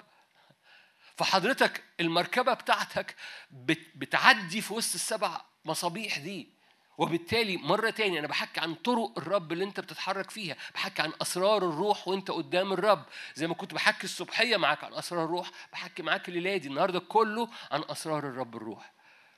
وبالتالي لما بتقف في هذه الأربع أوجه الموجودة جوه مركبة الكروبيم مركبة الكروبيم بتتحرك ما بين السبع مصابيح. ما أعرفش أتكلم عن مركبة الكروبيم من غير ما أتكلم عن السبع مصابيح. تقول لي طب أعمل فيها إيه؟ أقول لك ببساطة لو أنت مش لو أنت مش عايز تطول القعدة عايز تخلص القعدة بسرعة قعدة مع الرب يعني. عايز تخلص القعدة بسرعة مجرد نادي على لهب نار من السبع مصابيح دي انها تلمس روحك. لو انت مش عايز تطول القعدة لو عايز تطول القعدة ممكن تعمل حاجات تاني. بس ببساطة انت بتتعامل مع السبع مصابيح النارية دي لأنها مش مش مش يعني مش فانوس رمضان. بحاول أدور على مثل مش لاقي يعني. مش مصابيح رمضان. دي أعمدة نار حوالين العرش. دي أع- أع- أعمدة نار. يعني أنت عمود نار. أنت معدي قدام العرش ذاهب تجاه العرش وفي ستارة أو كردون أو في في صف أعمدة بتعدي في وسطيهم. مركبة الكروبيم ده هو اللي بيقول مش أنا اللي بقول. مركبة الكروبيم بتعديك في وسط المسابيح دي المصابيح دي أعمدة النار دي. فممكن تتعامل بح- بحسب علاقتك مع الأمور دي وحسب علاقتك مع ال- ال- السبع مصابيح دول وكل واحد منهم في إيه. لكن ممكن تتعامل مع ببساطة إنك تنادي على هذه النار. فاكرين ننادي المياه العميقة عمق الشكينة. هو هو إحنا إحنا بنتكلم على إيه غير عمق الشكينة؟ هو انه إنه مجرد تنادي على الحكمة على الفهم على المشورة على القوة على الإعلان على مخافة الرب عن السيد. سيد الأرض كلها. مجرد إنك حتى تسرد السبع أسماء بحب. لأن الرب يقول لك الرب عن الرب عن الرب يسوع في أشعياء 11 يقول لك لذته كانت في مخافة الرب يعني كان بيحب ينادي على هذا الروح. أنا بتكلم لو أنت مستعجل في القعدة. لو أنت مستعجل في في المشوار بتاعك الروحي اللي أنت بتقضيه قدام الرب إنك ببساطة بتنادي على لهب نار تخرج وتلمس روحك وتطبع جوه روحك. الحكمة والفهم المشورة والقوة المعرفة ومخافة الرب. روح السيد. ولو اتمليت بالسبعة دول لو لمسوك صدقني مش هتكمل واقف. مصدقني مش هتك... ليه؟ لأنه لأنه في- الأماكن دي مفيش كبرياء، في الأماكن دي بنتغير، خلي بالك الاختبار الذي لا يغير في شنك بلاستيك برغم إنه اختبار حقيقي. لو أنت لو أنت بتتفاعل وبتقطع المشاوير، القصة مش أجواء جميلة، أه الخدمة دي بس أجواء، no ما- لو أجواء ما كناش. القصة مش أجواء، القصة إن في نار خارجة من هذا المكان لهب نار تستقبلها جوه روحك. لهب نار تغير من طبيعتك لهب نار مفتحها عينيك موقعة القشور من عينيك لهب نار تطلق عجلاتك الداخلية وعجلاتك الخارجية. ليه؟ لأنه لأن الرب حقيقي interactive مش تابلوه معلقه في الصالون. ما أقصدش ما مش مش بتريق بتكلم عن نوع من حياة ال- الإيمان اللي هي بلاستيكيه متعلقة صامتة جامدة مش interactive مش تفاعلية. okay إيه هنرجع لحسقيال مره تاني مش عايز أطول. ياه okay. ما طولتش قوي يعني ما, ما تمسكوهاش عليا يعني. يا دي ليا مش ليكوا آه، قلتها في الميكروفون بس ملهاش دعوة. أوكي يا حبيبي. آية 24 في حسقيال واحد هللويا هللويا. لما صارت هذه المركبة. آية 24 حسقيال 1 24 لما فاكرين مركبة الكروبيم؟ ده التكنولوجيا اللي داوود شافها. فاكرين؟ رواق أول مرة يبقى فيه رواق. مخادع أول مرة يبقى فيه مخادع. مركبة الكروبيم أول مرة يبقى فيه مركبة كروبيم. وده الإعلان اللي داوود دخله عن عن عن الحركة الداخلية للهيكل اللي بيأتي فيه ملك. فبيأتي فيه ملكوت مملكة داوود ومملكة سليمان. أوكي. فده اللي حاصل فيك لأنك أنت الهيكل النهاردة. التكنولوجيا بتاعت الهيكل ما وقفتش. استراتيجية الهيكل ما اتغيرتش. فما زالت استراتيجيته هي الهيكل في العهد الجديد. فاكرين لما يسوع قال انقذوا هذا الهيكل وأنا أبنيه في ثلاثة أيام؟ قالوا له ده اتبنى في 40 يوم. قال لهم آه، آه، آه. كان يتكلم عن إيه؟ عن جسده. هللويا okay okay لما صارت هذه المركبة اللي هي موجودة جوه روحك اللي انت في بعض الأحيان ما بتطلقيهاش اللي بتتصوري إن الدنيا بس جو مش طريق ومشاوير وإعلان وكلام وأكل وأجنحة وعجلات ونار و- وأوجه أربع أوجه وبعد كده تعدي على السبع مصابيح وتتملي منها نار. ليه؟ لأنه لأن الدنيا الدنيا بجد.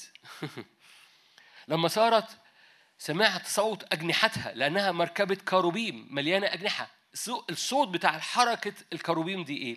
صوت خرير مياه كثيرة. صوت القدير. صوت ضجة. صوت جيش. صباح الخير. إزاي الصحة؟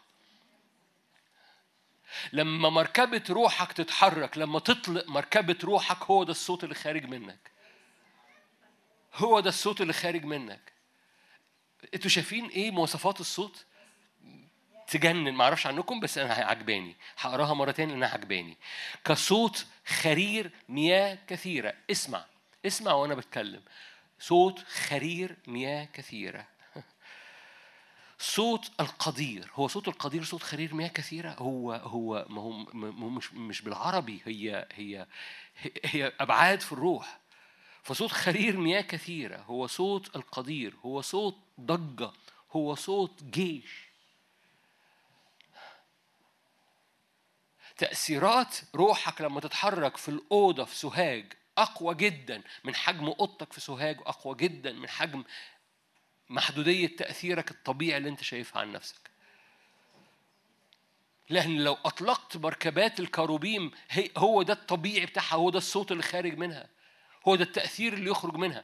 تقول لي أنت بتقول كلام شاعري شوية أقول لك عايزني أقول كلام عملي؟ هقول لك كلام عملي أقول لك اختبارات شخصية.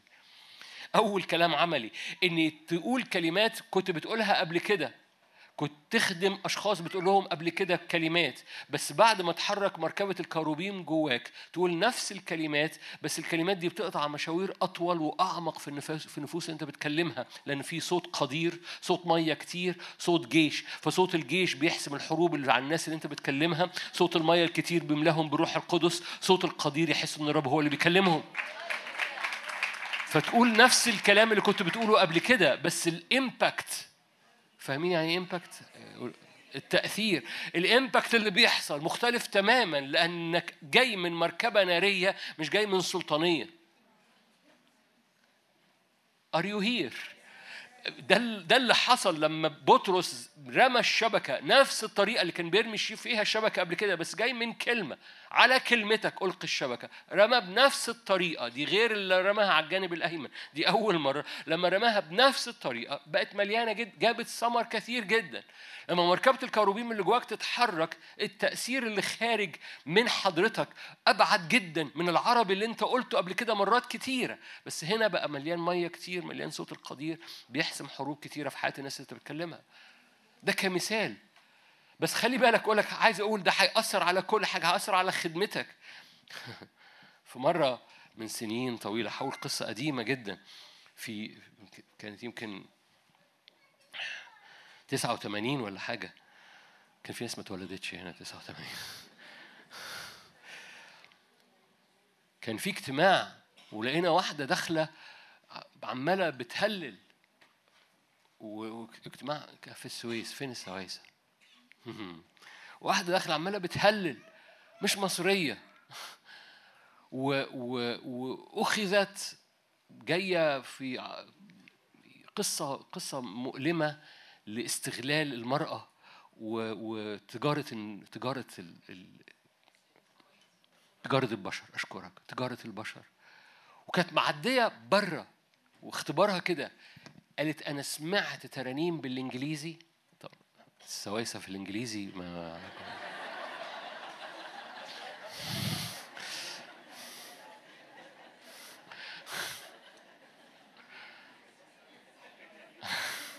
هم مبسوطين ما تقلقوش عليهم.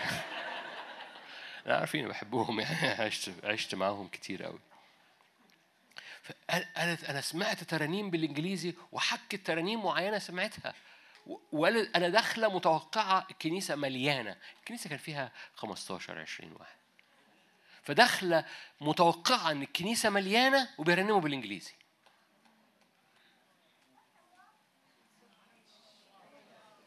حد فاهم حاجة؟ هو هو هو ده حضرتك. أنا مش بتكلم عن حاجة بتكلم عن حضرتك. بتكلم عن الامكانيه اللي ممكن يحصل في اجتماعك. أنا بتكلم عن الإمكانية اللي الرب ممكن يفتحها جوه روحك. لو أنت مجرد بت- بتطلق هذه المركبة جوه روحك.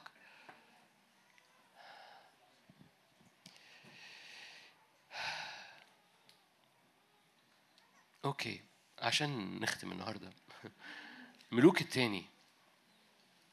ملوك التاني. أنا مكمل في المركبة. ملوك التاني. إصحاح اتنين.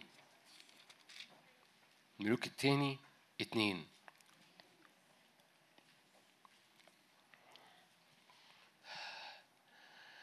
آية 11 فيما هما يسيران, ده إيليا وإليشع. ويتكلمان إذا مركبة من نار وخيل من نار فصلت بينهما فصعد إيليا في العاصفة إلى السماء وكان إليشع يرى وهو يصرخ. يا أبي يا أبي مركبة إسرائيل وفرسانها ولم يره بعد فأمسك ثيابه مزقها قطعتين ورفع رداء إيليا الذي سقط عنه ورجع وقف على شاطئ الأردن وضرب الماء. تقدر تحط الآية دي مع آية عشان وقت ملوك التاني برضو 13 هذه الجملة اتقالت عن إليشع فالقصة مش إنه شاف مركبة النار فبيشاور له على مركبة النار ده بيتكلم عن عن إليشع كان بيتكلم عن إيليا. إن إيليا هو مركبة النار مركبة إسرائيل وفرسانها. نفس التعبير اتقال عن إليشع في آية 14 لما الملاك آه، سوري لما الملك راح لإليشع. مرض إليشع مرضه الذي مات به آية 14 ملوك الثاني 13 14 فنزل إليه يؤاش ملك إسرائيل وبكى على وجهه وقال يا أبي يا أبي يا إيه؟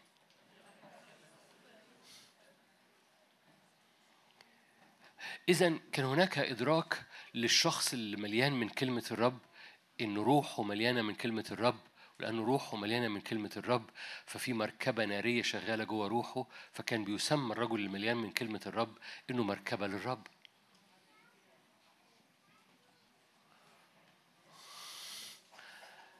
عربي صدقوني فاللي مليان من كلمة الرب ومفعل المشاوير الروحية بتاعته اللي إحنا حكينا عنها وعمال بحكي في أسرارها مع حضرتك كان بيسمى مركبة الرب. النبي النبي هو اللي واخد كلمة من الرب ومفعلها.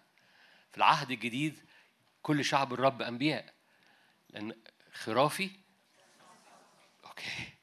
ولأن بنسمع الصوت ولو أنت بتفعله لو أنت بتعمل له activation لأن كلمة الرب خارقة حية و active مليانة energy فلو انت بتاخد كلمة الرب وبتشيلها جوه روحك وبتطلق ال energy بتاعتها وبتطلق المركبة ده بتسمى لما في العهد القديم سمي من يحمل كلمة الرب إنه مركبة الرب. بس خلي بالك هو مش بيقول هنا مركبة الرب. ده مركبة الأمة وفرسانها.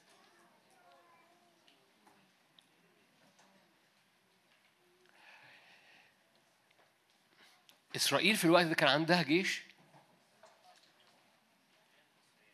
مش عارف طقطقته ليه كان عندها جيش. بس كان في إدراك مختلف إن في مركبات وفي جيش بيغطي الأمة هو إيليا. وإليشع قال له ده أنت المركبة وأنت الفرسان. فلما انسكب الرداء إليشع بقى المركبة والفرسان لما جت حرب هنا جه الملك ملك إسرائيل قال له أنا ملك وعندي جيش بس أنت المركبة مين مركبة مصر وفرسانها؟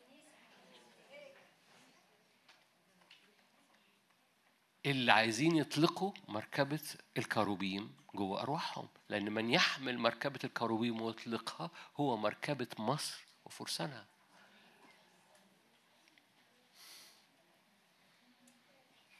فمصر عندها جيش.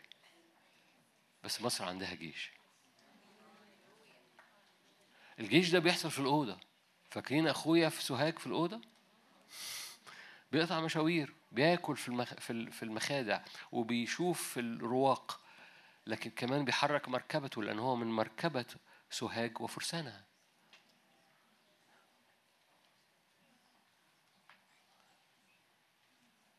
فالقصة إن هذه المركبة مربوطة بالجيش مربوطة بالقوة عشان كده صوت خرير صوت جيش صوت ضجة صوت مركبات. ما أعرفش عنكم بس ياما ياما كنا بنسمع صوت دوشة حاصلة فوق الاجتماع وتحس إنه في حاجة في حاجة حاصلة. فاكرين لما حصل حصار حوالين إليشع؟ والجحزي كان خايف قال له آه يا سيد نعمل إيه؟ فقال له يا رب افتح عيني الغلام أن يرى.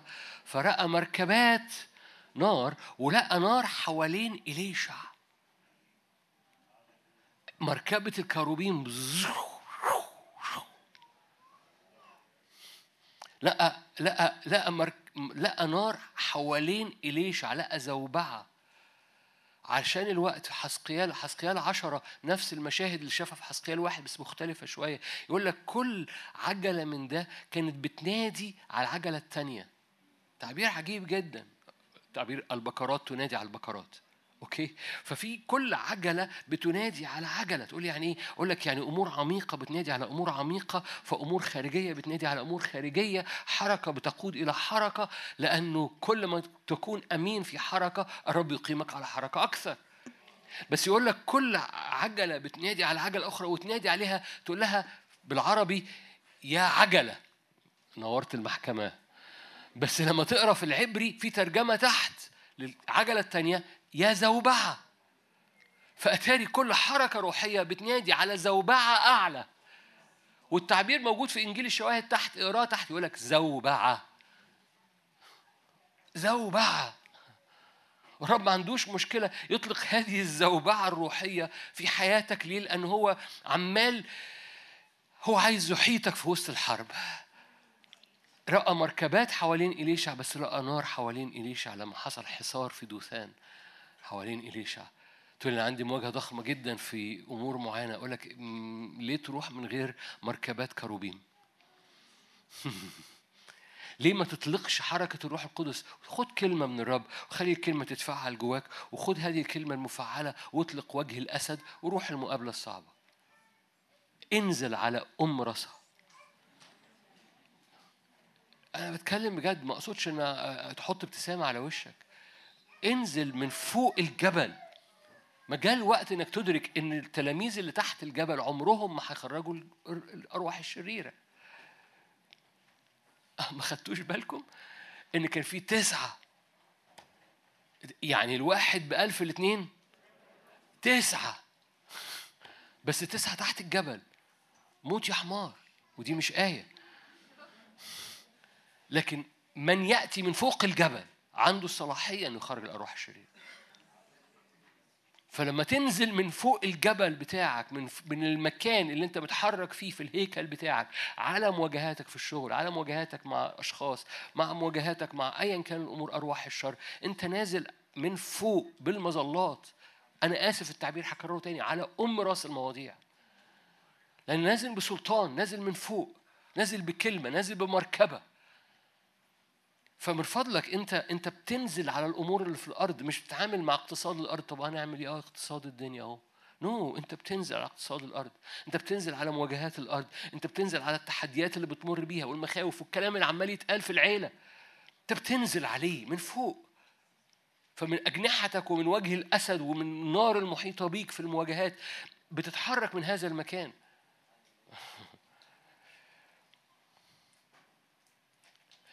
ياما ياما أشخاص كانت عايزة تعمل حاجات ولما قربت من ولاد الرب ما عرفتش تحمل الحاجات بسبب النار. أمثال عشرين ستة وعشرين هقول لك آية كده بسيطة. أنا عارف إنك ممكن ما تكونش خدت بالك منها. أمثال عشرين ستة وعشرين. الملك الحكيم يشتت الأشرار. ده اللي ذكرني بالآية بس. الملك الحكيم يشتت الأشرار ويرد عليهم النورج. في- الأصل ولو أنت معاك إنجيل الشواهد النورج دي مترجمة تحت. الملك الحكيم يشتت الأشرار ويرد عليهم العجلة. يحرك اقراها تحت البكرة يعني إيه؟ الملك الحكيم بيشتت الأشرار وبيقوم مطلق المركبة. النورك دي بص عليها في الإنجيل الشواهد تحت هو مش أنا اللي مترجمها هو اللي مترجمها. يرد عليهم يقوم محرك العجلة الروحية. في سلطان موجود جواك. في حركة نارية موجودة جواك الجاعل رسله رياحا وخدامه لهيب نار. رب مستعد يحيط بحضرتك. بصوا إن الرب يحيطك بنار حواليك دي مش امتياز لإليشع بس هو امتياز لحضرتك وحضرتك في المسيح يسوع. أنا هوقف هنا عشان الوقت. ببساطة هنوقف مع بعض. أؤمن إن الرب عايز عايزك تطلق المركبة النارية في حياتك. أؤمن الرب عايزك تفعل أسرار الملكوت وأسرار حركة الروح وحركتك وراء الروح في الحضور الإلهي. ف please please تجاوب مع الرب. please شوف هذه المركبة الموجودة على تابوت العهد في قدس الأقداس بتاعك وتحرك وراها وخليها تتحرك قدامك. أمين. خلينا نغمض عينينا ونصلي مع بعض.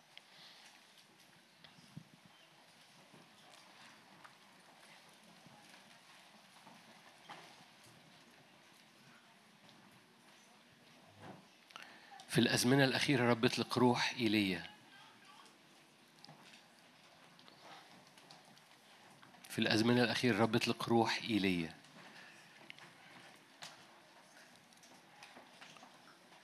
قبل اليوم العظيم المهوب يأتي إيليا وإيليا كان مركبة الأمة وفرسانها. إيليا كان محرك مركبة الكروبيم جواه.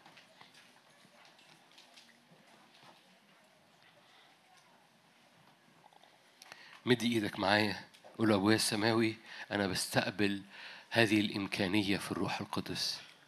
أنت قلت قبل أن يأتي يوم الرب العظيم المهوب المخوف إني أسكب روح إيليا. فيرد المسلوبات القديمة يرد قلوب الآباء إبراهيم وإسحاق ويعقوب للأبناء. يرد قلوب النهضة قلوب المعجزة قلوب الآيات والعجائب للأبناء.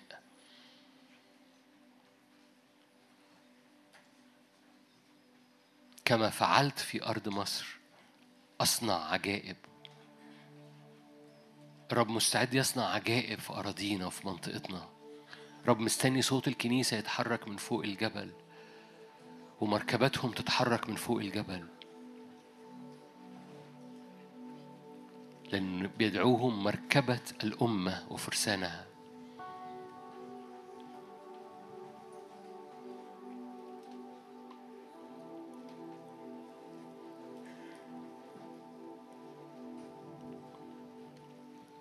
نتقدم بثقة إلى عرش اسمه عرش النعمة.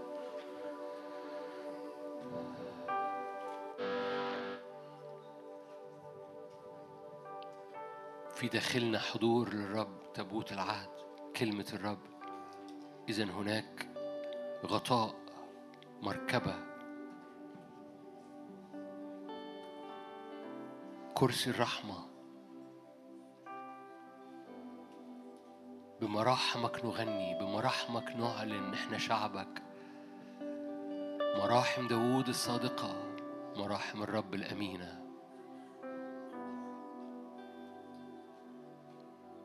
بحسب ما تشعر في قلبك ترفع إيدك تسجد قدام الرب. ما أرهب هذا المكان لأن بنتقدم بنفتح ستايرنا للرب. بنفتح ستايرنا للرب. ستاير النفس وستاير الجسد. بنفتح البليزر. هللويا. إلى مفرق النفس والروح وإلى مفرق النفس والجسد. املانا بهباتك املانا بنارك املانا بهبات الروح القدس. هب يا روح الله علينا. هب على أعماقنا هب بودائع وبكنوز وبذخائر. اطلبي من الرب اطلبي من الرب. نتغير إلى تلك الصورة عينها.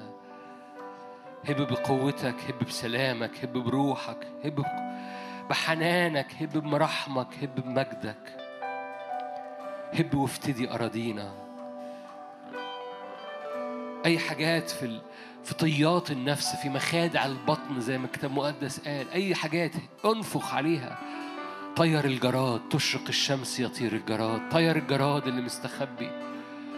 طير الأحزان طير المخاوف. نادي على أسر الرجاء اخرجوا يا أسر الرجاء اخرجوا يا أسر الرجاء. لأني أرد عليكم ضعفين أرد لكم فلا يعبر جاب الجزية فيما بعد لا جزية فيما بعد. هللويا! لا جزية فيما بعد. اخرجوا يا أسر الرجاء لأني بخرج رجليكم إلى رحب لا حصار فيه. اخرجوا يا أسر الرجاء لأني برفع عينيكم من نفسيكم. اخرجوا اجروا وراء الرب اجروا لأن مركبة الرب عايزة تجري بسرعة. مركبة الرب عايزة تطلق سرعتها.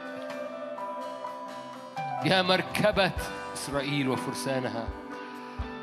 اخرجوا يا أسر الرجاء من من كل مخاوف من كل انحسار يا روح الله هب على مفرق النفس والروح والجسد. هب جوانا. يطير الجراد يطير الخوف يطير الألم. تطير ذكريات قديمة بترجعنا لورا. اجذبنا اجذبنا مراحم داوود الصادقة اجذبنا فنطلع نجري كما لم نجري. هللويا. فعل فينا activate energy باسم الرب يسوع لرجلينا ولأرواحنا وللمركبة اللي جوانا. فعل فينا سرعة جديدة عجلات نارية عجلة جوه عجلة عجلة داخلية وعجلة خارجية. فعل باسم الرب يسوع. حرك رياحك حرك صوتك حرك مياهك. كصوت مياه كثيرة كصوت القدير كصوت أجنحة. باسم الرب يسوع اجذبني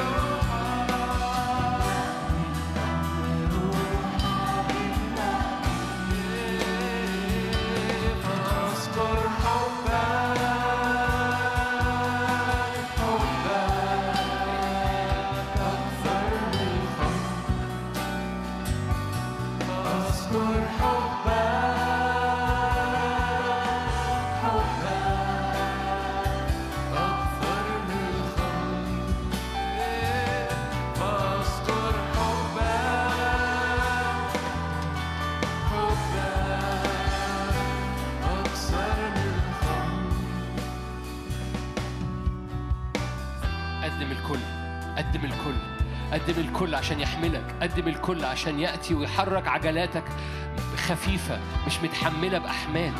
قول الكل ليك أنا بقدم الكل ليك. أنا بقدم سجودي بقدم حياتي بقدم الكل. فأجري بسرعة أجري بخفية مش مش شايل شنط تقيلة. باسم الرب يسوع. الكل ليك. هللويا. بنحبك. الكل ليك. ده مفتاح داوود. ده قلب داوود. الكل ليك. أحبك يا رب يا قوتي الكل ليك. هللويا. أيامنا ليك. الهيكل ما بقاش هيكل بتاعي الهيكل بقى بتاعك أنت. حتى الهيكل بقى ليك. أنتم هيكل الله. أنتم هيكل الله. استراتيجية لن تتغير. مركبة الكاروبين في قدس الأقداس في الهيكل. حرك مركباتك يا روح الله فينا. الكل ليك. كل الحياة ليك. الكل ليك. فتعالوا نقدم تعالوا نقدم مع بعض كشعب للرب. الكل ليك. هللويا. نعم.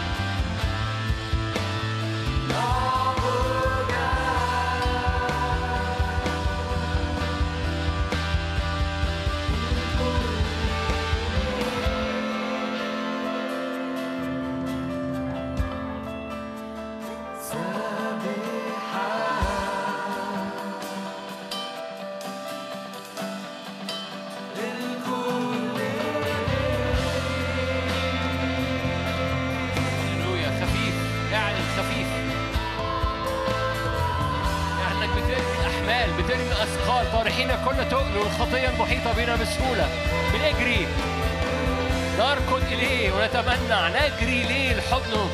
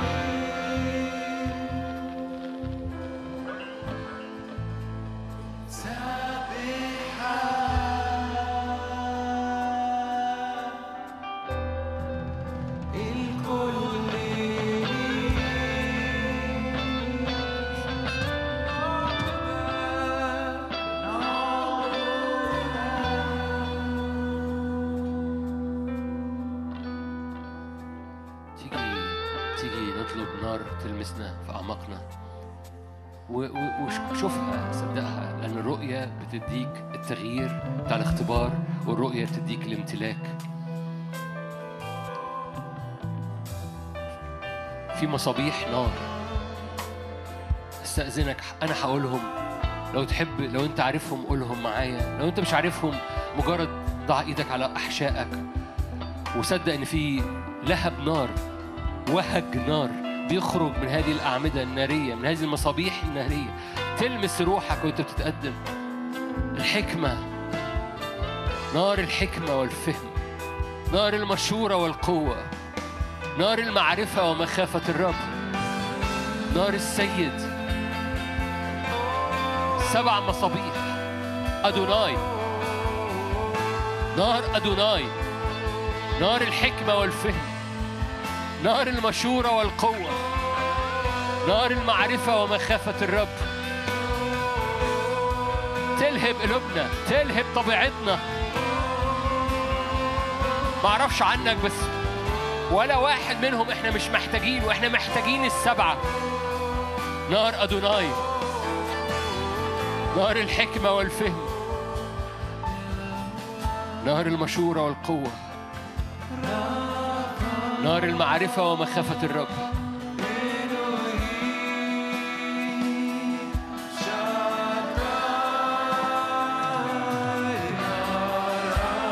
اضرب نارك فينا.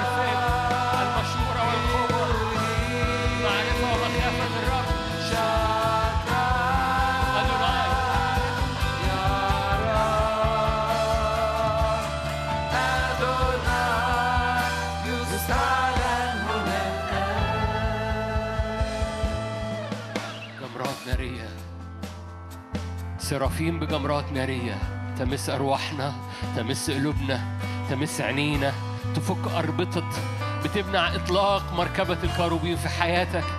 فك رجليك وتفك عينيك وتفك إيمانك فتسترد رؤيتك وتسترد الدعوة اخرجوا يا أسر الرجاء اخرجوا يا أسر الرجاء. يفنى النقاب في وجه هذا الجبل يفنى النقاب في وجه هذا الجبل. يفنى النقاب في وجه هذا الجبل. مركبات سريعة. صوت جيش صوت مياه كثيرة. صوت أجنحة. طريق مقدسة. هي لهم.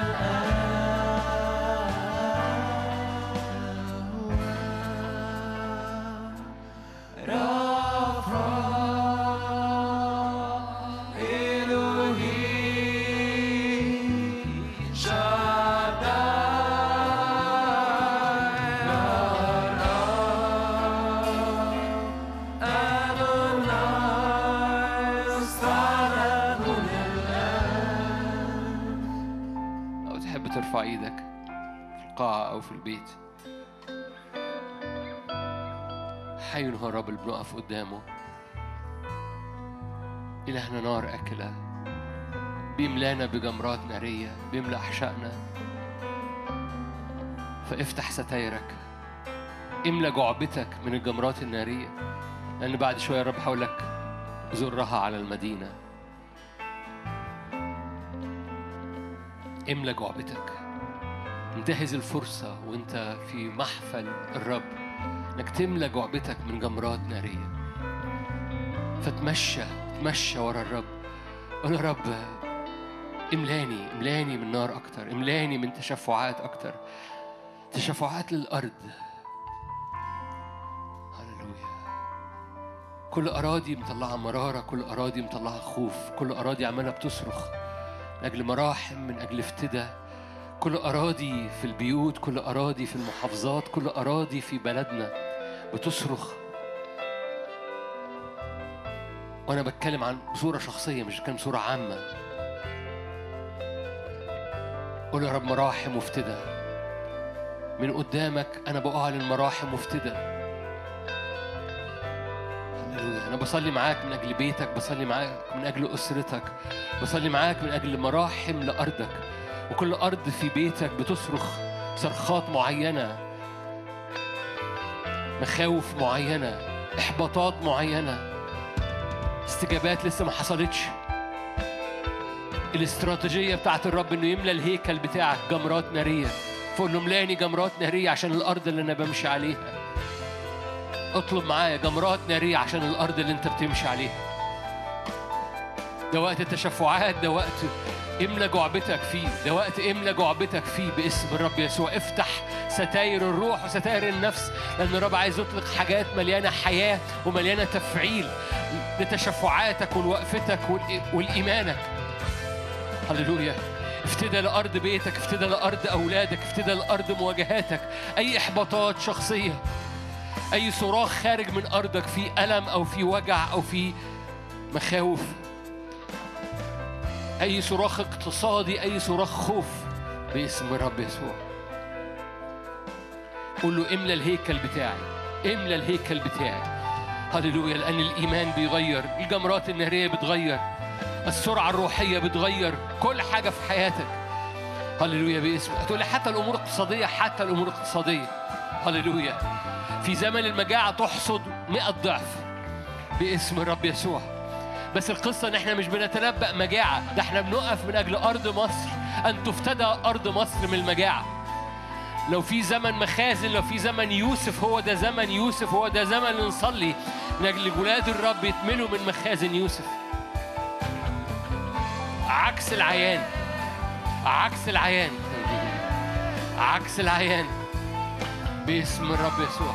افتداء للأرض. افتداء لأرضك افتداء لأرض بيتك.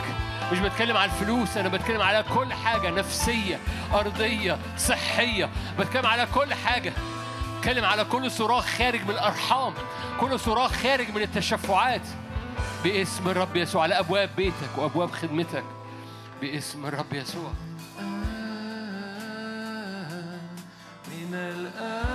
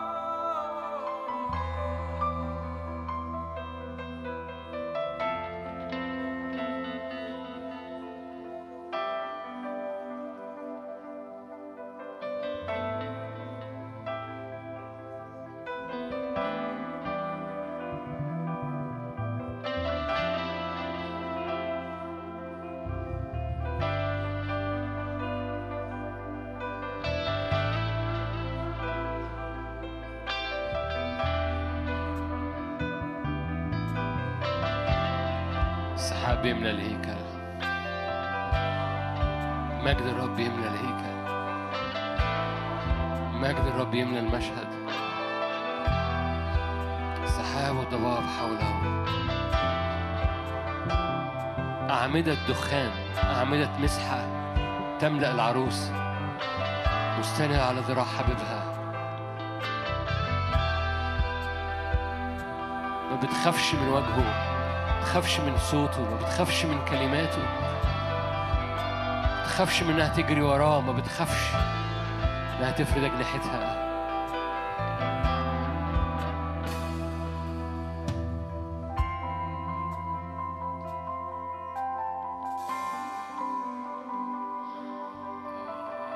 تضحك على الزمن الآتي. كل أبنائها لابثين ثياب.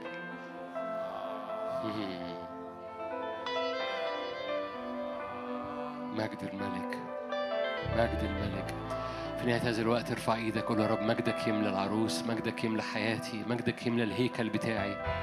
ايا كانت المحافظة بتاعتك ايا كان البلد بتاعتك ايا كان بتشاهد من فين قول له مجدك يملى الهيكل بتاعي.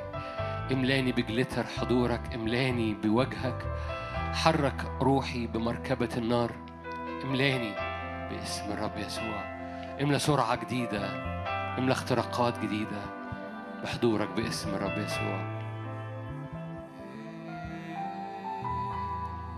هللويا.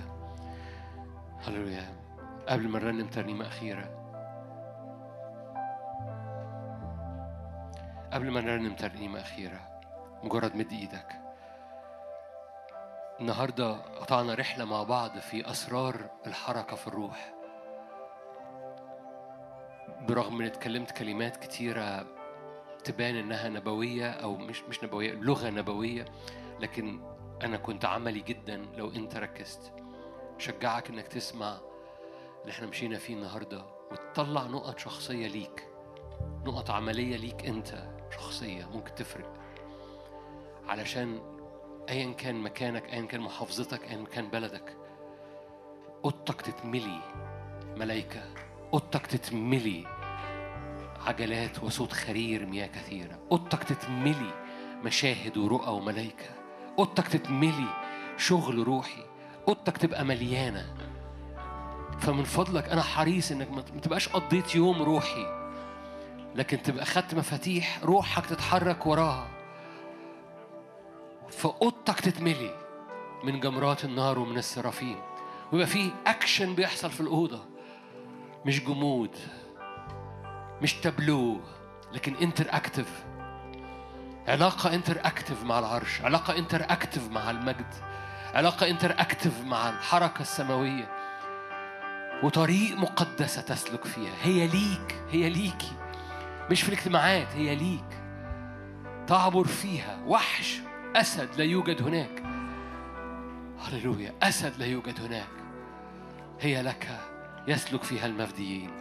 باسم الرب يسوع. خلونا نختم. املى يا رب بلادنا بإيه؟ مركبات كروبي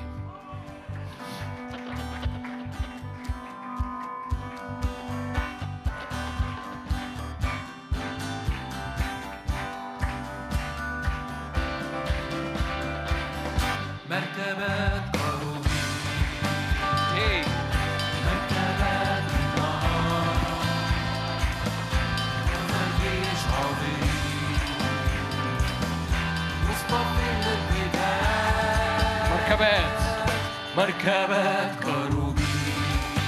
هو داوود اللي قال لنا. مركبات النهار عظيم مصطفى للقتال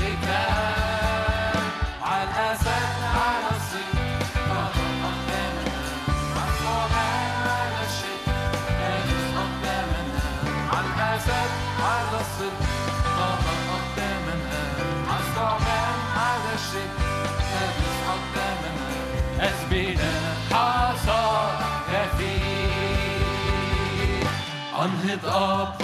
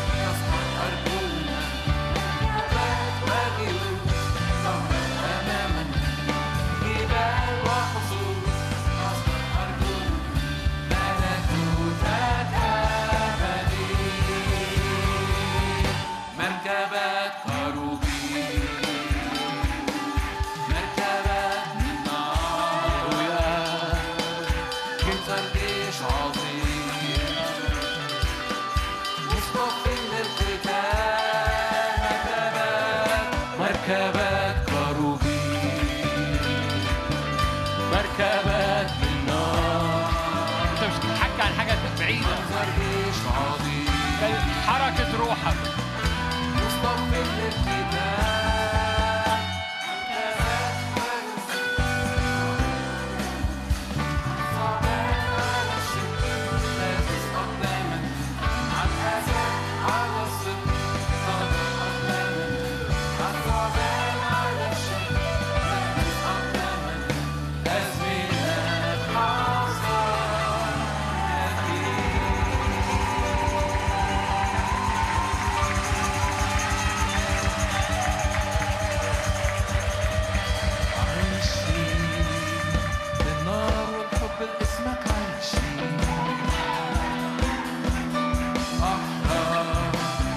كسرت كل قيد أحكام عايشي بالنار والحب لاسمك عايشي. أحرار كسرت كل قيد عايشي. عايشي بالنار والحب لاسمك عايشي.